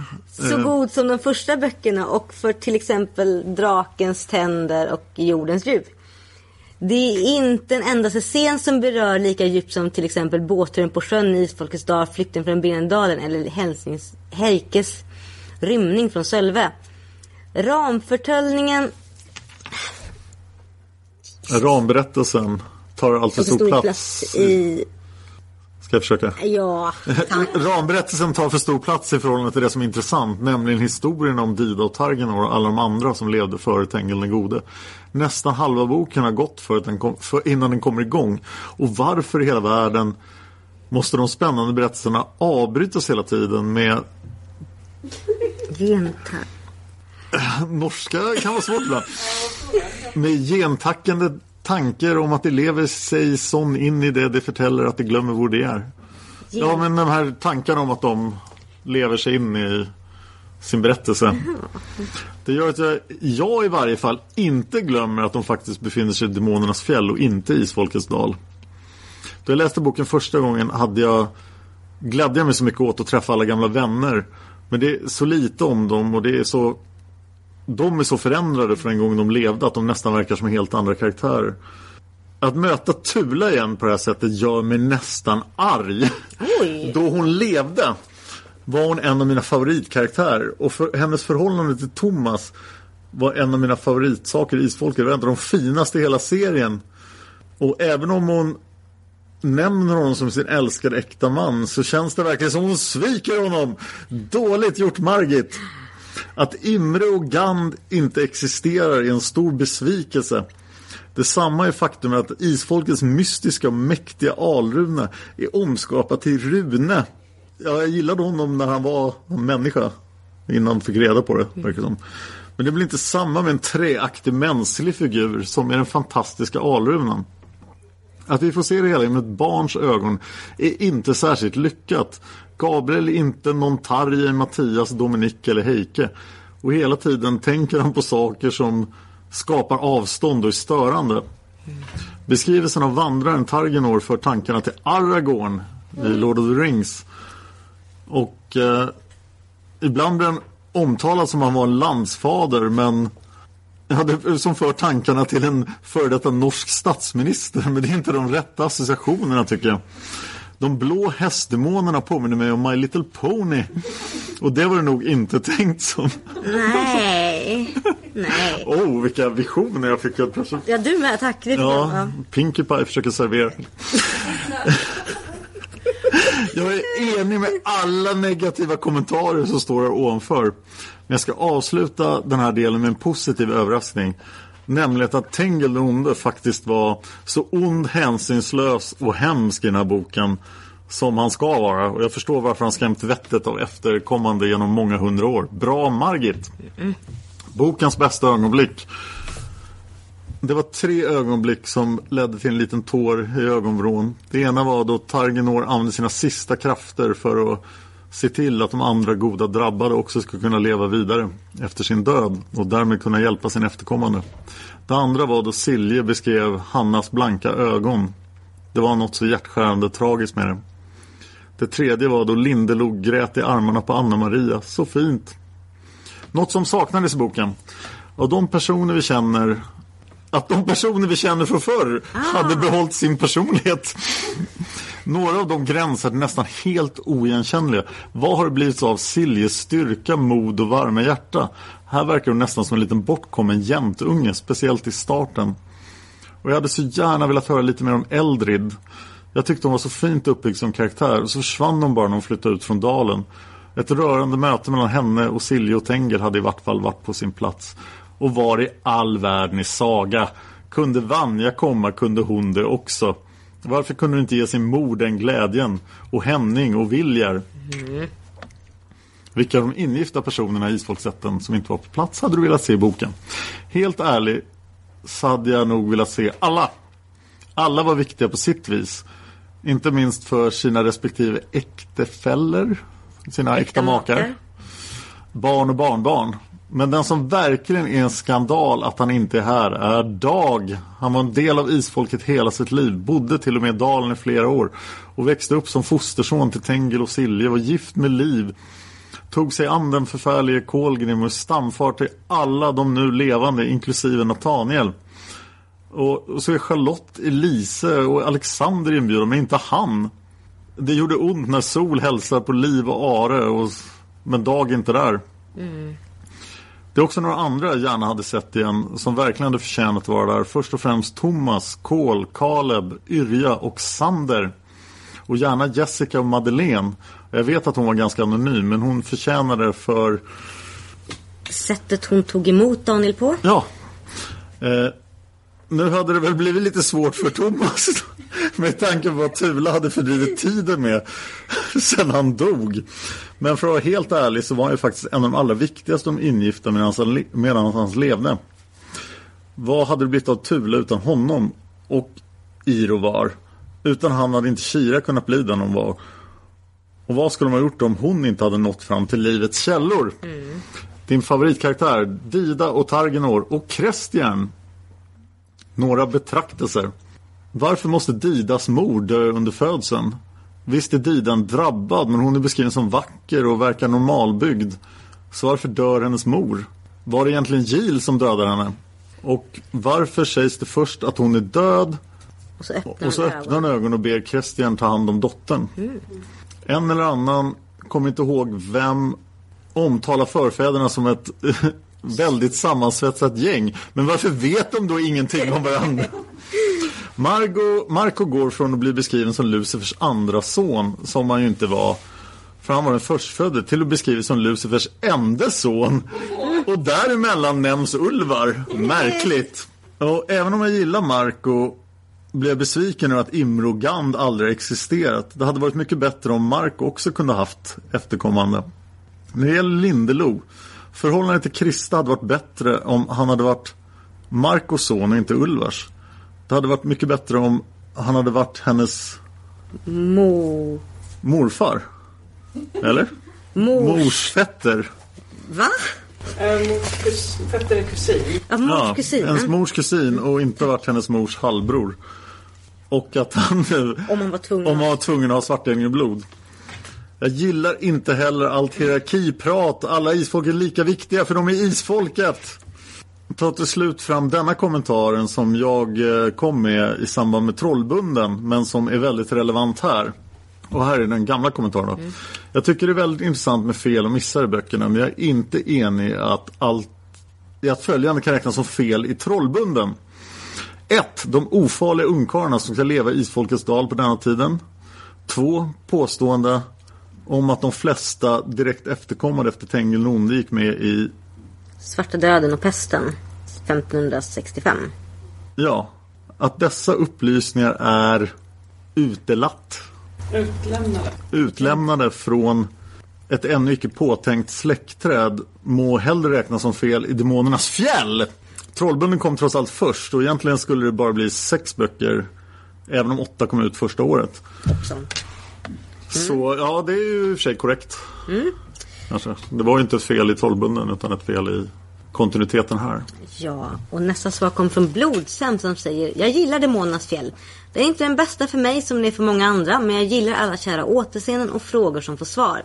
Jag älskar däremot att vi får följa allt från Gabriels ögon. Det ger allt ett extra plus. Det finns många favoritögonblick, till exempel när Dide berättar sin historia. Det är då i alla fall jag inser att Tangel är en vanlig människa men totalt genomrutten. Dida Vandrarens Otilis historia är verkligen rörande. Och Jag önskar att vissa återseenden hade beskrivits bättre. Till exempel Solens dotter. Fick vi ens reda på en stund vad den yngre var där? Och det fick vi inte. Nej. Bland de ingiftiga saknar jag Dag. Vart är han? Han bodde ju till och med i dalen. Och hon säger, och brorsan hälsar lycka till idag. Tack. Från fröken Karin då, hej. Välkommen till forumet. Oj! Välkommen till forumet. Första inlägget och allt. Eh, nu blir jag nervös för att du sitter Jag blir glad när jag läser att det är fler än jag som inte håller demonernas fjäll skyhögt. Jag gillar den trollska stämningen när alla hämtas och får en hjälpare. Men börjar snabbt störa mig på att vi håller oss i Gabriels point of view så länge. Jag tycker att han är fruktansvärt tråkig. Även om det nog är meningen att han ska kännas ung. Jag hade uppskattat ett mer neutralt berättargrepp då det gäller hela isfolket. Jag stör mig på allt prat om Lucifer som härskaren. För att vara så väldigt antireligion så lägger Margin enligt mig störigt mycket energi på detta utan sitt vanliga ifrågasättande runt det. De flesta historier bakåt är intressanta. De i Isfolkets dal känns nära resten av sagan, även om det var många hundra år innan Tengil den gode och Silje dyker upp. Bokens bästa ögonblick. Halvvägs genom boken, fyra och en halv timme innan podden, så tycker jag nog det är bäst om när Dida berättar om sitt liv och om Tili och Targenor. Var det något du tyckte saknades i boken? Jag saknade innerliga återföreningar. De som är i boken beskrivs mest som en tårdrypande omfamning och hur vita näsdukar blänkte till i publiken. I publiken! Jag saknar även den Silje man tycker om. Hon känns väldigt undanskuffad. Vilken av de ingifta personerna i Isfolksätten som inte var på plats hade du velat se i boken? Jag saknar Irovar. Om jag inte missminner mig så är han inte med. Just det. Jag saknar även Kol. Han kunde få veta mer om vad som hände med sin dotter. Jag saknar även Saga. Tycker det är taskigt att Vanja med flera får komma. Men Saga blir baske mig inte utsläppt för att få träffa sin släkt. även Dag hade förtjänat en plats. Och det var de svar vi hade och sen hade vi... Vill du läsa upp ditt svar? Jag kan läsa upp ditt svar för jag, Ja. jag inser något som är pinsamt. Oj! Du har skrivit det på kinesiska. Eh, nej, men när jag blev invald som eh, vice ordförande i styrelsen fick jag frågan vad är din, vilken är din favoritbok? Och då svarade jag Demonernas fjäll. Men i min kommentar nu har jag totalsågat den. Oj, oj. Oj, oj. Eh, Man får aga får. den man älskar. Ja. Eller? ja, men... Va? Fel, fel århundrade! Fel podd! Okej, så jag... Jag tycker det är tur att den är, jag har ganska lång tid på mig för att skriva ganska långt svar. Men vad tycker du om boken? Jag brukar, äls- jag brukar alltid svara att jag älskade boken men vid senaste omläsningen höll den tyvärr inte måttet. Jag har ingenting emot Gabriel för att han är lillgammal men jag tycker att det är synd att boken berättas ur hans perspektiv istället för till exempel Nathaniel eller Tovas. För jag tror att de kan ge flera mognare och fler intressanta perspektiv och synvinklar. Och vi kan också fl- slippa flummet angående fantasi, barnslighet och verklighet som kommer in med den här draken som bara försvinner. Vi kunde leva, vi kunde klara oss, klara oss utan detta. Dessutom skulle vi få en chans att undersöka Nathaniels karaktärsutveckling mer. Särskilt om eh, man kan fokusera på själva sagan och på hans karaktär utanför Ellen som jag tycker att de läggs, läggs alldeles för mycket vad heter ordet? Vikt vid. Vikt vid, precis. Eh, eller varför de inte fokuserar mer på Tova. Hon har en unik förståelse för vad de forntida drabbarna kämpat mot. Särskilt med tanke på att hon inte klarar det själv. De här människorna har klarat att kämpa mot ondska ensamma. Eller med vissa andra, men inte med en hel andeskara som står och håller dem i handen. Eh, Så Tova är definitivt min favoritperson i den här boken, för hon känns fortfarande som sig själv. Förvarningen och foreshadowing för Imre Gand känns väldigt dåligt etablerade och hela grejen känns som en retcon. Med risk för att låta lite gnällig, vi behöver inte mer, man- mer Marco. De andra två var inte mycket bättre med tanke på att Imre var vilse i skogen och bara fungerade som en ficklampa. och att Gand inte hade någon personlighet överhuvudtaget. Men Marco är för bra på allt. Det är inte sympatiskt överhuvudtaget. Toa, du förtjänar bättre. Han kanske är snygg men du har en personlighet. Och vad i helvete Marco? Varför lät du Jonathan torteras av Tengel slash Heidis kumpaner? Och varför lät du André och company slåss mot gengångaren? Varför ville jag era ficklampa istället för att faktiskt hjälpa dig? Har änglakrafterna ätit upp den hjärnceller? Kanske? Jag håller också med att Tiny, Tiny Bunny Snail om Rune. Han fungerar mycket bättre som Alruna. Och om jag minns rätt så hade jag allt mer problem med honom desto längre in i sagan vi kommer. Intressanta berättelser men eh, kan inte Heike berätta dem för de andra? För att det är ändå han som har stått Alruna närmast. Har inte så mycket problem med företagsupplägget slash skolpresentationen men är övertygad om att det kan ske på ett bättre sätt. Eh, för boken har väldigt stor potential men de uppfylls tyvärr inte och ibland kan det falla lite platt men en fråga för- åt, återstår. Varför har demonerna en föreläsningssal? Blandar alltid ihop den här boken med nästa. Och Men eh, varför ska det vara så mycket demoner överallt? Jag saknar verkligen tiden när bokserien fortfarande var low fantasy. Vilket är bokens bästa ögonblick. Alla återseenden och tiden innan Te- Tengel och Silje uppdagas. Och självklart Trond får en chans att rätta om sin död igen. Nej men... Eh, vad tyckte du saknades i boken? Jag skulle vilja ha mer Vinga. Och vad håller Saga på med? Eh, här har jag skrivit en kommentar som berättar det jag diskuterade innan med att hon borde förklara för sin mamma att eh, hon har ljugit för henne. Ja. Och att hon har eh, legat med Lucifer.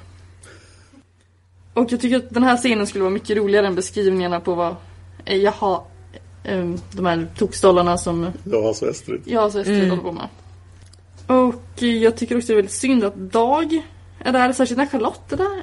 Charlotte är med men inte Dag, det är helt fel. Det är synd att Thomas inte är med men man kan förstå varför med tanke på att Tula, Tula har haft sex med massa demoner istället. Men i Ängeln med dollarhorn kändes det nästan som hon blev våldtagen av dem och nu vill hon leva med dem. Varför? Och på tal om uteslutna karaktärer, Cinzia, Nugut och Suniva. Var är de? Det här är ett perfekt tillfälle att, att humanisera tre karaktärer som inte har fått några positiva drag överhuvudtaget. Ett återseende mellan Solens dotter eller kanske till och med en ursäkt till Wendel från syskonen.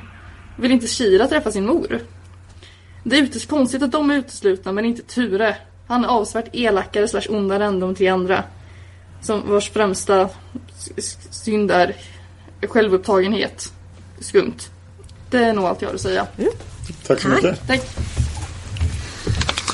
Ja, Det var det vi hade. Men Nej, vi nu har... kommer man tro att vi var klara. Men jag har en liten extra lapp här. Det här är redan överlägset det längsta avsnittet av... Jag har lyssnat på någon annan podcast faktiskt länge, men jag har aldrig varit inblandad i någonting som har varit så här långt. Så då kör vi vidare! Ja, och det här är alltså min eh, kära hustrus kommentarer. Eh, som eh, jag tänkte dra. Hon skickade med mig en eh, sex sidor. Hon börjar på sid 85 med rubriken Störande. Eh, sid 85 citerar från boken. Ni vet eh, Benediktes mosaikfönster. Låt det vara där ännu en tid, sa Alvhedin frånvarande. Det var en gång jag strövade omkring inomhus. Eh, på Lindalen, av en ren händelse råkade jag se ut genom det och fönstret. Ni vet, mycket ser man inte. Buckligt är det och färglagt. Men jag tyckte jag såg in i en annan värld liksom. Fast det var väldigt diffust. Jag hade visst druckit lite mycket den kvällen. Så fåglarna vet. Eh, dåligt planterat. Sid 86. Eh, Sarmike här svarade från Tarangainas rad. Orin och Vassar också. Liksom det har funderats på varför Tengil den godes elaka morfar var där så undrar jag nu vad Orin gjorde där. Sid 55 i Dödens trädgård. Citerar från boken.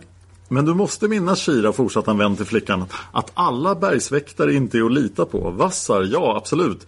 Men Orin beundrar Milo och Milo är stupid, stupid och rå. Och dessutom svår på kvinnor. Milo var inte en så trevlig prick som försökte våldta Kira och Orin var ju lite av samma skrot och korn. Så varför är han där när inte till exempel en gutt är där?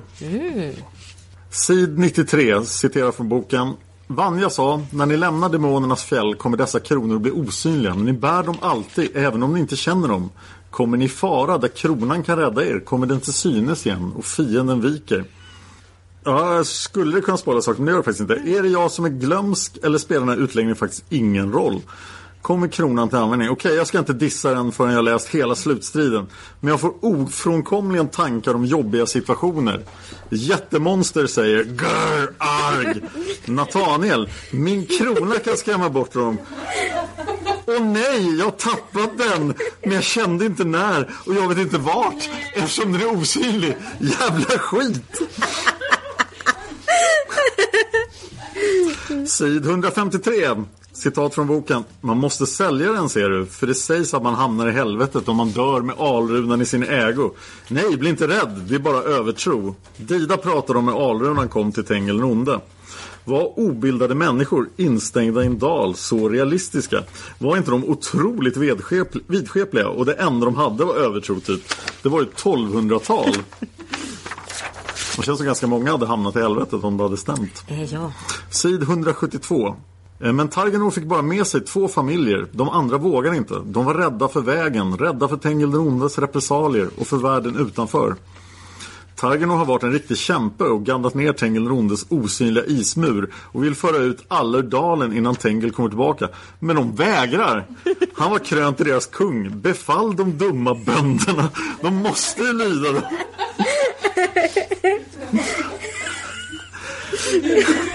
Sin 183. Nog för att Tengel bet ifrån sig. Varenda fiende han fick syn på måste låta sitt liv. Men han har inte tid till sånt nu. Han och Targenor är ute på vift. Men Targenor får gå i förväg och skaffa mat, sängplats etc. hela tiden. Tar inte mindre tid att bara svischa förbi och döda alla. Det om något tar väl kort tid eftersom han bara andas på dem typ. Sid 203. Så det blev hans enda lykt, suckade Krestien. Ja, något annat var knappast att vänta. Och jag har redan hört att hans enda barn, dottern Guro, också var en drabbad. De talar om Olaves Kristiansson som var far till Guro. Och det är hennes släktled som leder ner till Tengil den gode. Jag har precis för mig att Tova när de själavandrare nämnde att hon visste att hon alltid tog plats i människor som var drabbade. Ja, det har vi pratat om. Eh, Men det räddade vi med att det bara var kvinnliga inkarnationer. Sid 227. Ja, visst, sa Tengil den gode. Kvinnan vid sjön. Henne kände vi till, även om vi aldrig gick dit. Jag träffade henne en gång Sa Silje mjukt. Och jag måste säga att jag blev väldigt rädd. Eh, återigen, har jag dåligt minne eller? Jag kan inte påminna mig att Silje någonsin träffade Vega, kvinnan nere vid sjön. Eh, jag har för mig att det fanns, det var inte med här i Fel missa, men jag har för mig att det finns en notering att eh, Vega dog åtta år innan Tengil den gode föddes. Nej. Någonstans. Kan ha varit Tobba då kanske? Nej. Tobba. Levde hon så länge? Tobba dog fjo- 1540. Ja, Tengil den gode föddes 1548. Ah, okej. Då var det Tobba det gällde. Sid 235. Det är ingenting att berätta om, sa han kort och gott. Och du har ingen rätt att säga du till mig, flickslampa. Jag förstår verkligen inte vad han gör där. Fy fan vilken människa. Inget fel i boken egentligen. Andarna som kallade honom kunde inte veta att han var en sån där partypooper. Men något sållande borde väl ha gjorts. Hans karaktär borde ha lyst igenom. Hata honom. Eh, ja, ja, han fortsätter ju där. Jag fick... Jag fick två, en son Lars och en dotter Line Men den slampan fick inte leva längre Sprang med Kara gjorde hon och fick två horungar Och den sista tog livet av henne Tengel böjde sitt huvud i förtvivlan Stackars Tengel, dumma jävla gubbe. Annat, sid 108 Silje föll in innan han hunnit svara. Hannas besvärjelse över mig när jag höll på att dö i barnsäng. De demonnamn hon då räknade upp. Däribland fanns det du nämnt Tula. Här har vi betydligt bättre plantering, även om det är uttänkt långt i efterskott. Så ska det se ut, Margit. Och så kommer besvärjelsen här. Ja, hon säger Belial, Athys, Kybele, Rebo, Apollyon, Lupus, Astaroth, Nema. Det låter precis som att de tillkallar demoner, tänkte Silje släppt. Oh, där kom det. Ja, mera från boken. Då Targenor släppte henne reste Marco sig. När du har börjat Targenor så vill jag passa på att krama om min allra, allra bästa vän. Och han tog Tova i sin famn som kände hans mjuka hår mot sin kind. Marco gör om det viktiga mötet till ett enda stort kramkalas. Charmigt! Jag Eh, försökte pussla ihop Tengen Rondes ättlingar i Tarangai Hade varit kul om det funnits ett sånt släktträd också. Tangil, Vintersorg, Katt, Katgil, Inu. Och sen kommer två namnlösa barn i led 6. 200 år går här emellan. Ond drabbad föds under den perioden och det är under Ivar och Signys generation i Norge. Skräcken kallades han. Sen kommer han som blev född i dörren som nummer 7. Dotter utan namn som nummer 8. Stjärnan som lossnade och flög över himlen som 9. Tro, Ja, släktled 10 då. Tror Gavar och Hir kommer här efter, men det är lite oklart. De levde samtidigt som Ondskans öga som var den drabbade de såg smyga omkring i Mars. Och deras läger som var apgammal. Undrar när han föddes. Han var Hirs kusin eller liknande och var farfars far till Tunsi. Ja, men som sagt, det går nog inte att få ihop. Nej. Tarangajernas släktled, är vi faktiskt klara då? Ja, det är vi nog. Eller? Är det någon som har någonting att tillägga? Ja, Isfolksteatern! Yes! Tack för påminnelsen. Oh dear. Jag har ju en påminnelselista där det står också. Som jag Ja. har Vad, vad, vad, vad ska vi Isfolksteater om då? Det vet vi. Va? Vet vi? Ja, vi ska göra Isfolksteater om sid 29 år. Ja. Har, Det är det högsta rådet som har bestämt det utanför. det. Eh, är det från eh, att Gabriel fryser erbarmligt? Okej, vilka behöver vi då? Vi behöver Ulf Hedin. Har vi några frivilliga att vara med? Jag tror, jag, jag, tror, med. jag tror det är vi. Det är du och jag. Är det ingen som vill ställa upp? Jag kan ställa upp. Ja, bra! Ja, Ta med en stol. Ja, titta. bra. Bra. Bra uppvigling, det Ja, heja!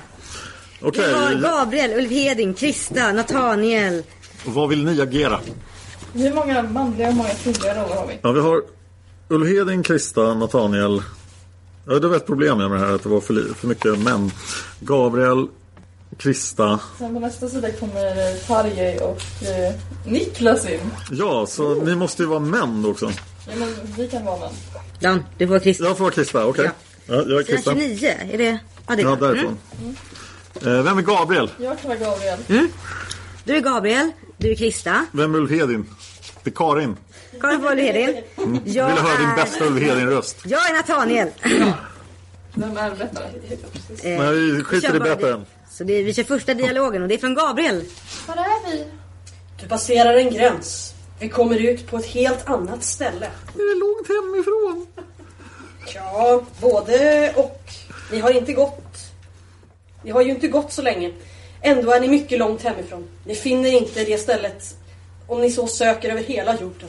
Mm, jag tänkte mig det. Men eh, vi kommer väl tillbaka igen? Åh ja, ni kommer tillbaka. Imorgon bitti. Ingen hinner sakna er. Mm, Jag trodde gränsen bara kunde passeras på bergskammen ovanför gamla Grossensholm. Där Heike manade fram det grå folket och Vanja försvann med Tamlin. Vi går ju på stengrund så... Nej, den vägen är bara ett andningshål som isfolket själva skapat. skapat själva. Det är en otäck väg, man möter så många oönskade varelser där. Det här är den riktiga. Du kan väl inte säga vart vi kommer? Vi vet faktiskt inte riktigt själva. Jag vet var vi kommer ut, men inte mer. Sämst! Det är Gan som har samlat oss. Need more information. Vi är inventerade, sa Gan. Till en passande mötesplats för levande och andar. Är det i svartänglarnas mörka marmorsalar? Nej, det trodde vi också. Men det skulle aldrig gå, påstod Gan. Nej, det är en annan som har inbjudit oss till sin boning för detta möte. Och vi vet inte vem det är. Paus! Vad är det här? Någon slags jävla Tinder blind date de är på väg till? Vad är detta? Gan sa att du skulle vara här. Ja. Jag Mm. Jag, fort, jag fortsätter. Det låter spännande. Men vi har väl mycket att tacka Gand för. Oh ja, utan honom så hade det här mötet inte kunnat komma till stånd. Eh, Sagas kärlekshistoria med Lucifer har betytt en oerhörd landvinning för isfolket. Ja, jag tror vår kamp hade blivit mycket, mycket svårare utan Svartänglarnas inblandning i vårt blod. Nästan hopplös. Vi går på ett golv! Det får vara Niklas. Nej, inget golv. Det är en klippa som Nathaniel sa. Och där stoppar vi. Vi måste prata om att de måste lära sig kommunicera. Nej, Jag vet inte vart vi är på väg. Äh. Det här lät mycket bättre när jag läste det. Jag gillar hur Ulvedin är så auktoritär. det vet jag faktiskt inte. Äh, va? Gan sa. Bara, jag vet ingenting. Han säger aldrig någonting till mig. Ulverin som var så misstänksam att han inte ville lita på någon alls. Han bara, äh, äh. Ja, men det var Gand. Gans sa. Jag tänkte att innan vi skulle sluta nu ska vi också ta och tacka alla som tar och stöttar oss på Patreon. Ja! För vi har väldigt många som stöttar på Patreon som gör att vi kanske kan podda vidare om Häxmästaren. Ja, det vi- ser så ut onekligen. Ja, och vi vill tacka Karin Simonsen, Hanna Naversjö, Vilmina Kocha, Alba Lundström Ramirez, Cecilia Hellstrand, Nolau, Jenna Larsson Rydhammar, I.V.A. Karlström, Maria Andersson, Blodshämnd, Petronella Thorén, Rebecka Lundqvist och Cynthia Frenor. Tack så jättemycket alla för att ni stöttar på Patreon. Vi är väldigt nära Häxmästaren nu så keep it up! Hur långt är ni från Häxmästaren? Jag tror att det är på 36. Man ser inte det riktigt Nej, här. 30, men så det är... Fyra. Ja. Ja, så Precis två så. givare på två dollar till, sen är vi faktiskt Ja, så blir det... Mm. Eh, nej men och eh, som sagt Vi fortsätter med Häxmästaren. Vi kommer att göra ett antal avsnitt emellan. Mm. Eh, uppföljningsavsnitt. Och sen blir Häxmästaren. Ja! Woo! Så, då rundar vi av det här då. Va? Jag vill fortsätta. Jag måste kissa. Ja, då slutar då. Var kan lyssnarna hitta mer av dig Anna? Toalett... Nej.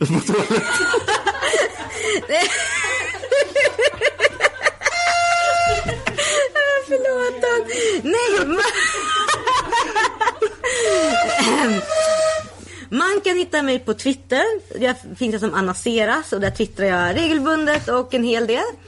Jag har en Facebook-sida som heter Setsuna Seras där ni jättegärna får gå in och följa mig. Jag eh, delar lite roliga länkar och en hel del från min blogg. För jag har en blogg också som heter setsunaseras.blogspot.se. Och där skriver jag om allt möjligt. Nu skriver jag väldigt mycket om min resa till Japan. Men annars bloggar jag väldigt mycket om feminism och roliga serier jag sett och vad jag har gjort i mitt liv. Och en del söta kattungar också. Pratar du om Isis nördfeminism eh, på, i Dödens trädgård? Jag minns inte. Men det kanske du borde prata lite om för det är ett fantastiskt initiativ du har genomfört här på Gotcon i ett antal år. Åh, det kan jag inte göra. Eller fem, det här är femte året. Ja, jag driver ju ett eh, nördfeministiskt initiativ som kallas för Isis nördfeminism. Som arrangeras främst på det här Gotcon som vi är på. Och det har gjorts i fem år. Och konceptet är att det är ett rum som ska syfta till att främja jämställdhet i spelkulturen. Så det är ju därför jag hänger på Gotcon så mycket. Därför du hänger på Gotcon så mycket också och började hänga här. Ja, Eh, och eh, jag måste säga att jag sprang på Gotcon en gång i forntiden. Och skillnaden mellan då och nu är ju helt enorm. Då var det kanske, då var Gotcon ändå väl representerad bland kvinnor jämfört med andra konvent. Men då kanske det var 5-6% tjejer. Och när jag kom hit förra året så var det 35. Så att eh, initiativ som det här har varit fantastiskt bra för att få tjejer att känna sig bekväma med att gå på spelkonvent. Ja. Och jag tycker att det blev ju en fantastiskt roligare konvent. Alltså det är när det inte är så grabbigt och så, så uteslutande så har det varit ja, jättekul. Så att Ja. du ska ha alla eloger som finns för det initiativet. Tack. Ja. Och mig kan ni hitta på Twitter på Dan Horning. Tack för idag. Vad mer? Du får berätta mer om vad du gör. Ja, jag gör så mycket saker. Ja, men jag har en tröja här. Den här kan jag visa. Det är ju Magic Gatherings tror jag, min Magic YouTube-kanal. Som jag driver och spelar Magic på tillsammans med några knasiga amerikaner. Inte så seriöst, men väldigt roligt. Ja, nu kan vi sluta kanske. Nu kan vi sluta. Så tack så jättemycket alla som lyssnar. Tack alla som är här på livepodden. Vi tutar och säger hejdå!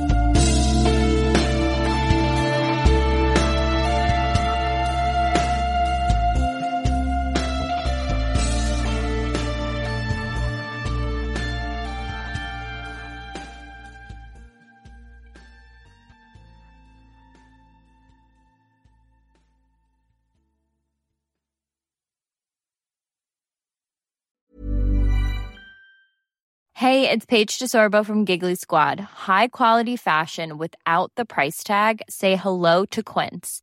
I'm snagging high-end essentials like cozy cashmere sweaters, sleek leather jackets, fine jewelry, and so much more. With Quince being 50 to 80% less than similar brands. And they partner with factories that prioritize safe, ethical, and responsible manufacturing. I love that. Luxury quality within reach. Go to quince.com slash style to get free shipping and 365 day returns on your next order. Quince.com slash style. Hi, I'm Daniel, founder of Pretty Litter. Cats and cat owners deserve better than any old fashioned litter. That's why I teamed up with scientists and veterinarians to create Pretty Litter. Its innovative crystal formula has superior odor control and weighs up to 80% less than clay litter. Pretty Litter even monitors health by changing colors to help detect early signs of potential illness. It's the world's smartest kitty litter. Go to prettylitter.com and use code ACAST for 20% off your first order and a free cat toy. Terms and conditions apply. See site for details. Even when we're on a budget, we still deserve nice things. Quince is a place to scoop up stunning high end goods for 50 to 80% less than similar brands. They have buttery soft cashmere sweaters starting at $50, luxurious Italian leather bags, and so much more. Plus, Quince only works with factories that use safe, ethical, and responsible manufacturing. Get the high-end goods you'll love without the high price tag with Quince. Go to quince.com/style for free shipping and 365-day returns.